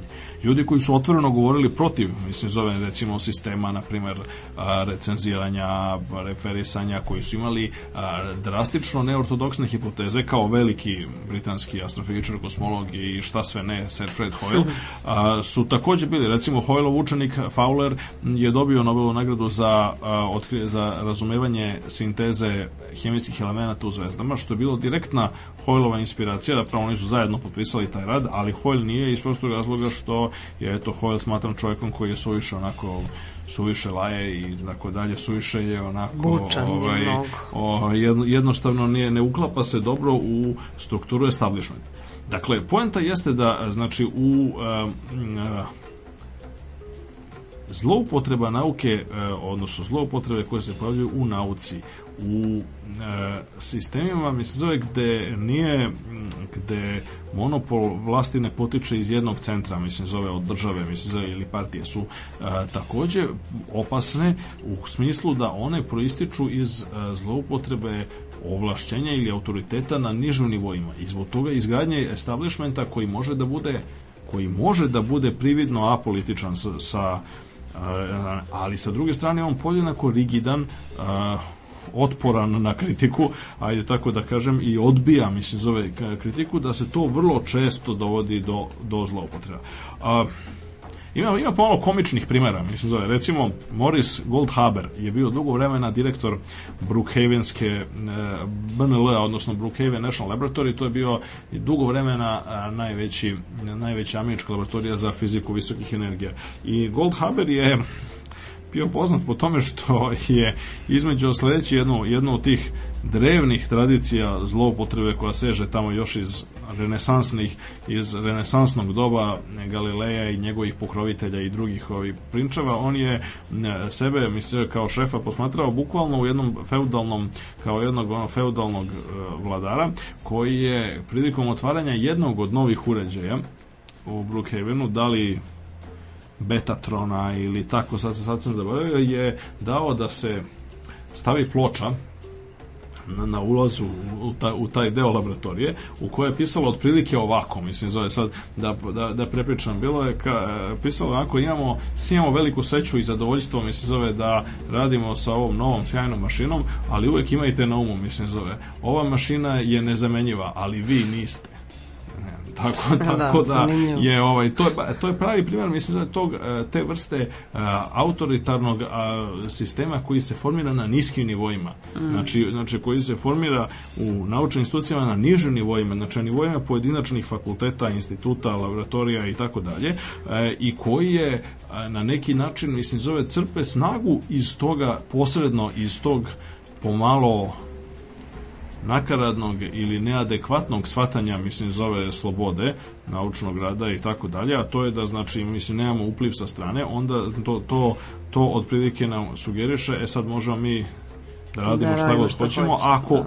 pribavimo do, ili većinsku podršku ili imamo neke druge, mislim zove, na primjer, financijske pokrovitelje ili, ili slično. Vrlo značajno. A, z, a, problem a, e, U većini, eh, u većini eh, netotalitarnih zemalja, znači postoji jedna vrsta balansa eh, između finansiranja nauke, mislim zove od strane privatnih i od strane državnih izvora. I sad negde je više, to malo više na jednu stranu, negde malo više na um, Između ostalog i eto, ova strategija kontroverzna Srpskog ministarstva treba da stvori temelje u najmanju ruku da se i kod nas počne sa ozbiljnim ulaganjem privatnog sektora u nauku, što je mhm. opet još jedna rupa na saksi koja čeka da u Srbiji bude otkrivena. Na, ono što je e, ono recimo jedno od stvari, jedna od ono, ono malog broja stvari u toj strategiji kojima, kojima se može samo aplaudirati jeste to da se konačno uvede to da se e, privatnim licima i korporacijama koje investiraju u naučna istraživanja da se uvedu značajne poreske olakšice. Cijelom mhm. svetu je to tako i mnoge od najboljih stvari su, su ostvarene na taj način i tamo, ne znam, Rockefellerov centar za rak, mislim zove gde se, gde se je otkriva najviše tretmana za rak i gomile i kekov, teleskop i tako dalje, se svi zovu po ljudima koji nemaju veze sa naukom, mislim zove, osim što su osnovali te institucije u kojima se ljudi bave ozbiljnom naukom i kojima dobijaju, u kojima dobijaju sjajne rezultate. E sad, valjda će to i kod nas mislim, da se, da, da se ono uvede, da se smatra nečim što je sasvim normalno. Međutim, međutim, treba imati u vidu sledeće. Znači, finansiranje nauke mi se mora i treba a, da bude apsolutno i potpuno transparentno. To često nije slučaj. Čak ni u najdemokratskim sistemima na svetu to često nije slučaj. I zbog toga se dolazi do ovih stvari koje imamo prilike da vidimo, da postoje uvek, uvek se nađu nekakve Da. nekakvi glasovi koji će da negiraju, mislim zove čak ni ono sa teškom mukom postignuti strogi empirijski uh, racionalno i kritički utemeljeni konsenzus mislim zove o mnogim pitanjima ukoliko iza toga postoji nekakav komercijalni interes. Najbolji primer je debata to oko globalnog zagrevanja gde da gotovo uvek i bez izuzetka se ispostavlja, mislim zove da ljudi zapravo koji su da, da ono, ono malo, ona manjina koja se i dalje protivi ideji da je antropogeničko prirodno zagrevanje realnost je gotovo uvek identično potiče iz sa institucija laboratorija fakulteta i tako dalje, mislim zove gde dobar deo, oba, dobar udeo u finansiranju se nalazi u rukama, mislim zove što proizvođača automobila, što što naftna industrija mislim zove i slično a, tako da je to očigledan vrlo očigledan primer e, dakle upliva mislim zove drug, upliva političkih elemenata na oko slično se odnosi do duše u malo manjoj meri samo što je tu otvoren prostor drugim ide, vrstama ideologije koje nisu striktno govoreći koje ne moraju biti striktno govoreći političke mislim zove u raspravama koje se tiču na primer, rada sa matičnim ćelijama odnosno istraživanja matičnih ćelija i svih tih drugih stvari koje su često predstavljene iz a, ideoloških i medijskih razloga kao nekakav veliki bauk, užas i tako dalje, kao što je kloniranje.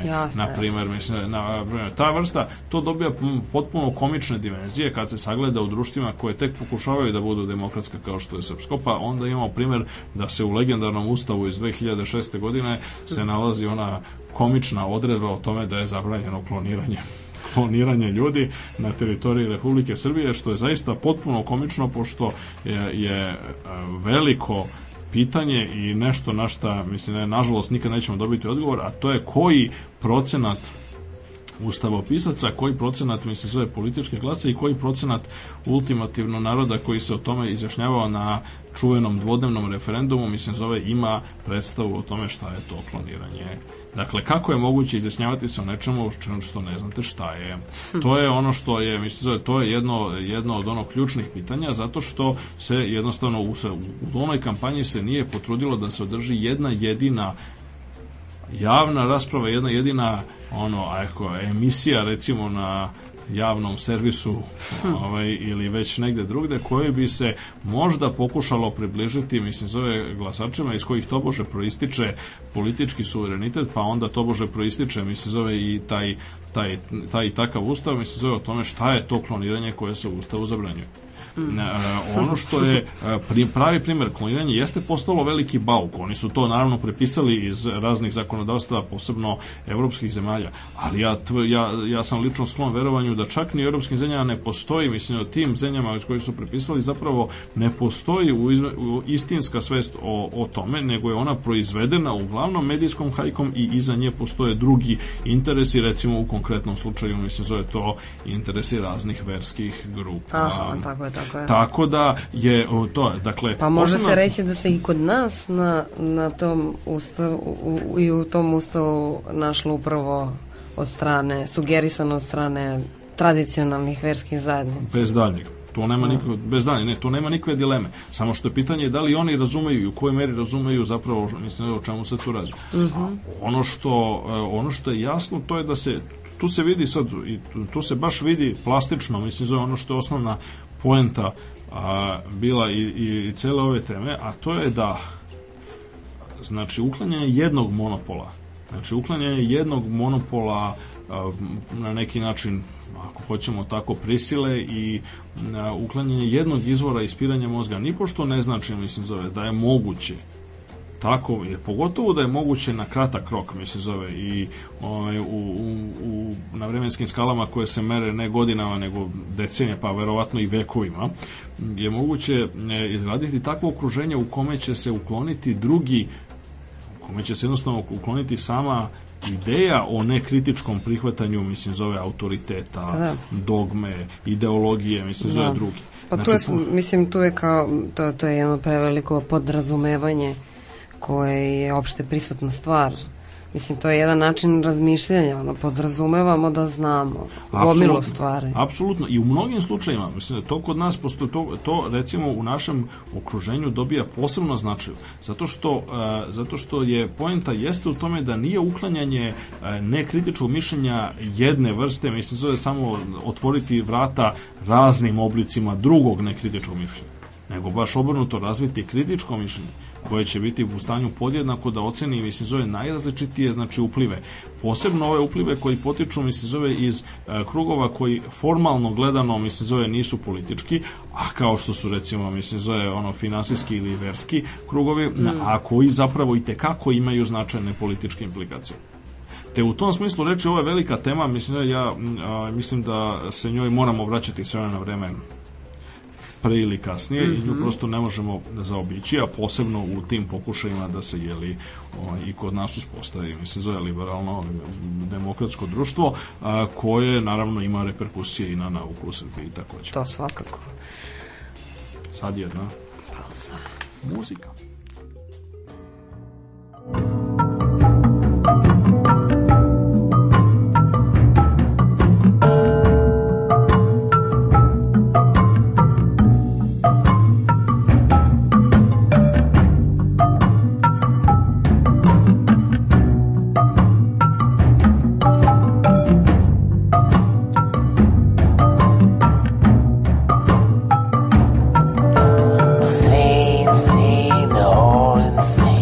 fireman's blind, the conductor's lame, a Cincinnati jacket and a sad look dame, hanging out the window with a bottle full of rain, clap hands.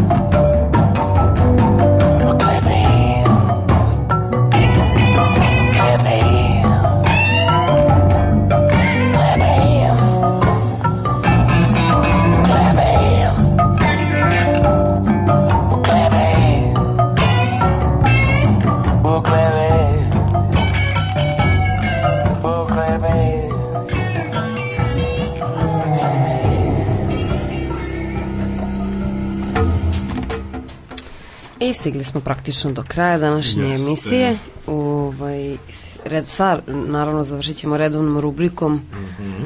Jedan pisac, jedna knjiga. Jeste. Danas predstavljamo knjigu više nego pisa jer smo ga već predstavljali, a i eh. dobro poznat.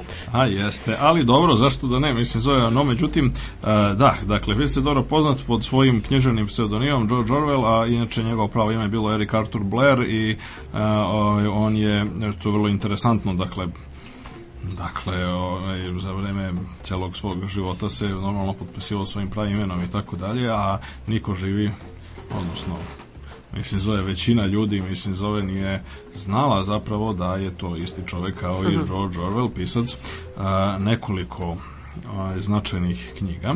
Najpoznatije najpoznatija naravno 1984. i Životinska farma koja je E, objavio znači, u drugoj polovini 1940. godina, a inače E, dakle, međutim, mnogo e, zapostavljene stvari i to ono baš zbog čega, mislim, zove sam rešio da ovde m, u ovoj današnjoj emisiji predstavimo njegove, njegove eseje koji su e, u našem izdanju, sad ima raznih, mislim, oni bili bio sjajan eseista u, u e, izdanju izabranih dela George Orwella na pa sad neki bi rekli hrvatskom, neki hrvatsko-srpskom, srpsko-hrvatskom, kako god, mislim zove, to je objavio August Cesarec e, iz e, Zagreba u šest knjiga, to je jedno jako lepo izdanje, e, bilo iz 1984. godine, za divno čudo.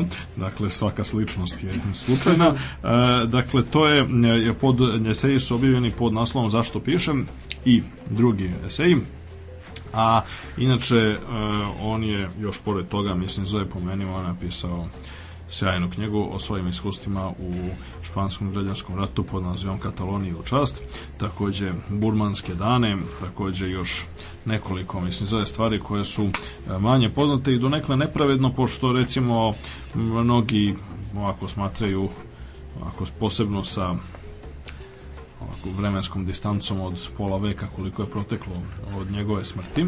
On je umro prilično mlad, u svojoj 46. godini, 21. januara 1150. Mnogi smatruju da on kao eseista zapravo bio uspešniji nego kao literarni pisac, međutim on njegov uticaj u knježevnosti 20. veka je malo je reći ogroman. E, dakle, ljudi koji su dakle, koji su priznavali ot, među ljudima koji su otvoreno priznavali svoj dug Orwellovom delu bili su ljudi kao što su Albert Camus i Kurt Vonnegut i Hori Doktorov pa onda ljudi koji nisu, znači van literarnog sveta kao što su Noam Chomsky mislim zove kao što mhm. su E, čita, čitav niz, mislim, zove drugih, Arthur Kessler, e, čitav niz drugih ljudi, dakle i Ray, Ray Bradbury, recimo Margaret Atwood i drugi. E, ono što, ono što je zanimljivo jeste da, znači, Eh, Orvelovo delo je posebno aktuelno bilo u kontekstu, mislim na neki način mogli smo o tome da govorimo u na prošloj i pretprošloj e, emisiji Radio Galaksije kada smo govorili o totalitarizmu pošto je Orwell učinio jako mnogo da mi razumemo zapravo zlo totalitarizma i ne samo to, nego Orwell je insistirao na tome i u svojim literarnim i u svojim esističkim delima na, na nečemu što nažalost e, u nekim krajima recimo baš u Srbiji bi bilo posebno korisno da se više uzme me u pamet, a to je e, da je on naglašavao i eksplicitno, kao što kaže u jednom eseju, a to je da je totalitarizam 20. veka Znači, ta vrsta totalitarizma koja je inspirisala znači, Hitlera, Staljina, mislim, zove Mao Cetunga je nešto sasvim drugačije nego što je ono što je bilo u prethodnim vekovima. Mm. On sam kaže, u prethodnim vekovima bilo je krvožednih vladara, bilo je ljudi kao što su bili Kaligula, Neron, te ne, ne, tamo Henry VIII, bilo je, drugi, bilo je ljudi koji su, koji su skidali mnogo glava, ali jednostavno organizacija, organizovani teror i organizovano ispiranje mozga, mislim, zove organizovani pokušaj da se svi aspekti života stave pod kontrolom, mislim, zove jedinstvena ideologija je nešto potpuno novo.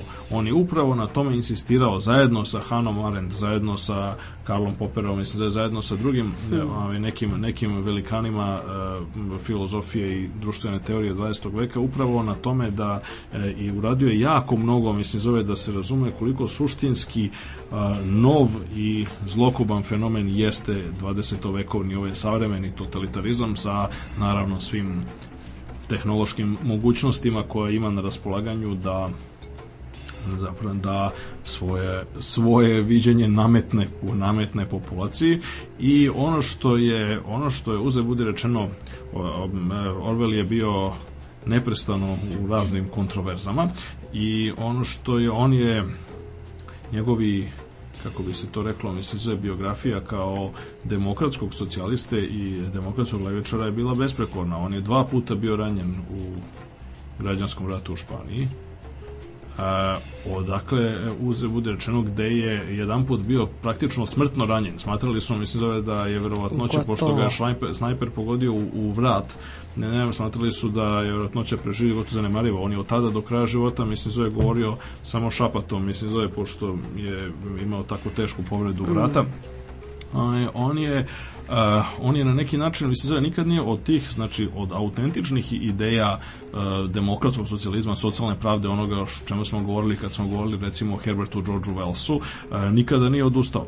Međutim, ono što je on napisao na, na, u, u, recimo, knjizi Kataloniji u čast je najveća osuda. On je upravo pokazao, mislim, zove, kako je komunizam, odnosno taj, mislim, zove, marksističko, to, ta pretenzija da oni predstavljaju jedinu pravu levicu zapravo nala strahovitu štetu.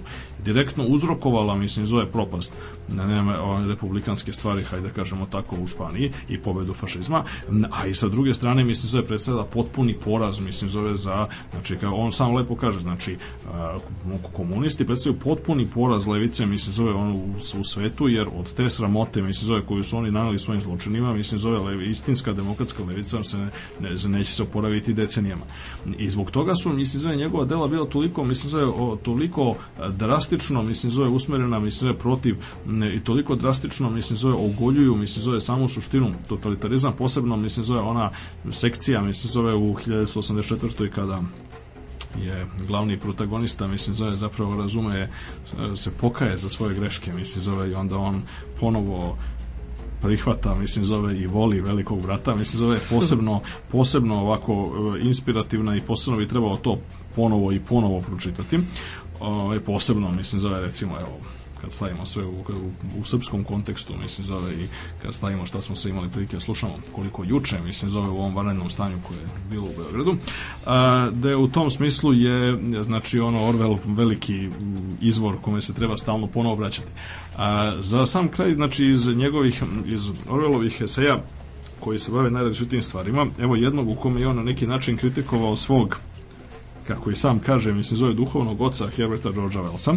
E, esej koji, koji nosi koji nosi ovako, ovako kao i svi njegovi eseji, mislim zove krajnje provokativan naziv Wells, Hitler i svetska država. Dakle, jedan ovako kraće, kraći odlomak za sam kraj ove radiogalaksije.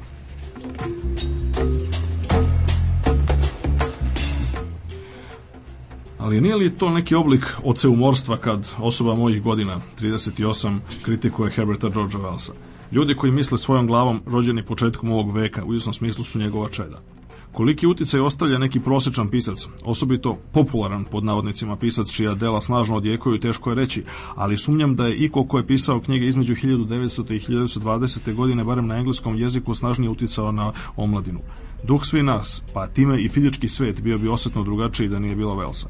Samo Upravo njegova jedinstvenost duha, jednostrana maštovitost što ga je učinila pomalo genijalnim prorokom u edvardijansko doba, sada ga čine plitkim i neadekvatnim misliocem. Kad je Wells bio mlad, antiteza između znanosti i reakcije nije bila lažna.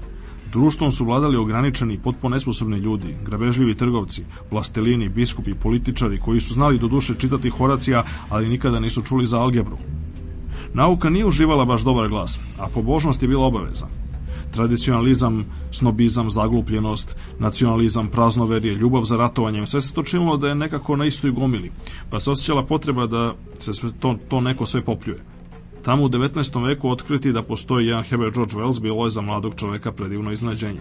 Živeli ste u svetu cepidlaka, popova, igrača golfa, vaši su vas budući poslodavci opominjali da morate uspeti ili se tornjajte, vaši roditelji su sistematski izobličavali vaš intimni život, vaši dosadni učitelji podsmevali se vašim krivim latinskim izrekama, i u tom svetu se pojavio taj čovjek koji vam je govorio o stanovnicima drugih planeta, o dnu mora, koji je znao da budućnost neće biti onakva kako je zamišljaju ugledni ljudi.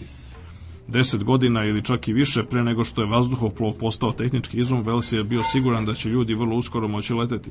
Znao je, što šta je, da, znao je zbog toga što je on sam hteo leteti, pa je bio siguran da će istraživanja poći tim smerom. Sa druge strane, čak i kad je još bio dečak u vreme kad su braća Wright doista i podigla svoje mašine u vazduh čitavih 55 sekundi, opšte prihvaćeno mišljenje smatralo je da bi Bog ljudima dao krila da je hteo da lete. Sve tamo negde do 1914. Vels je odista bio prorok istine.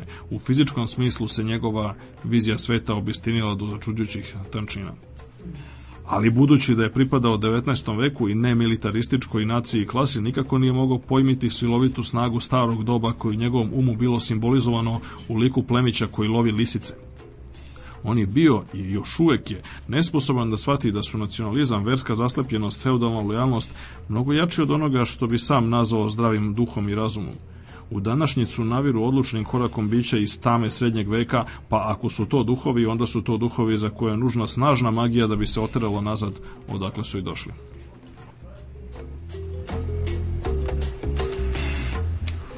Poštovani slušalci, slušali ste još jednu radio galaksiju. Do sledeće srede. Zdravo, doviđenja. Doviđenja i do slušanja. Ah,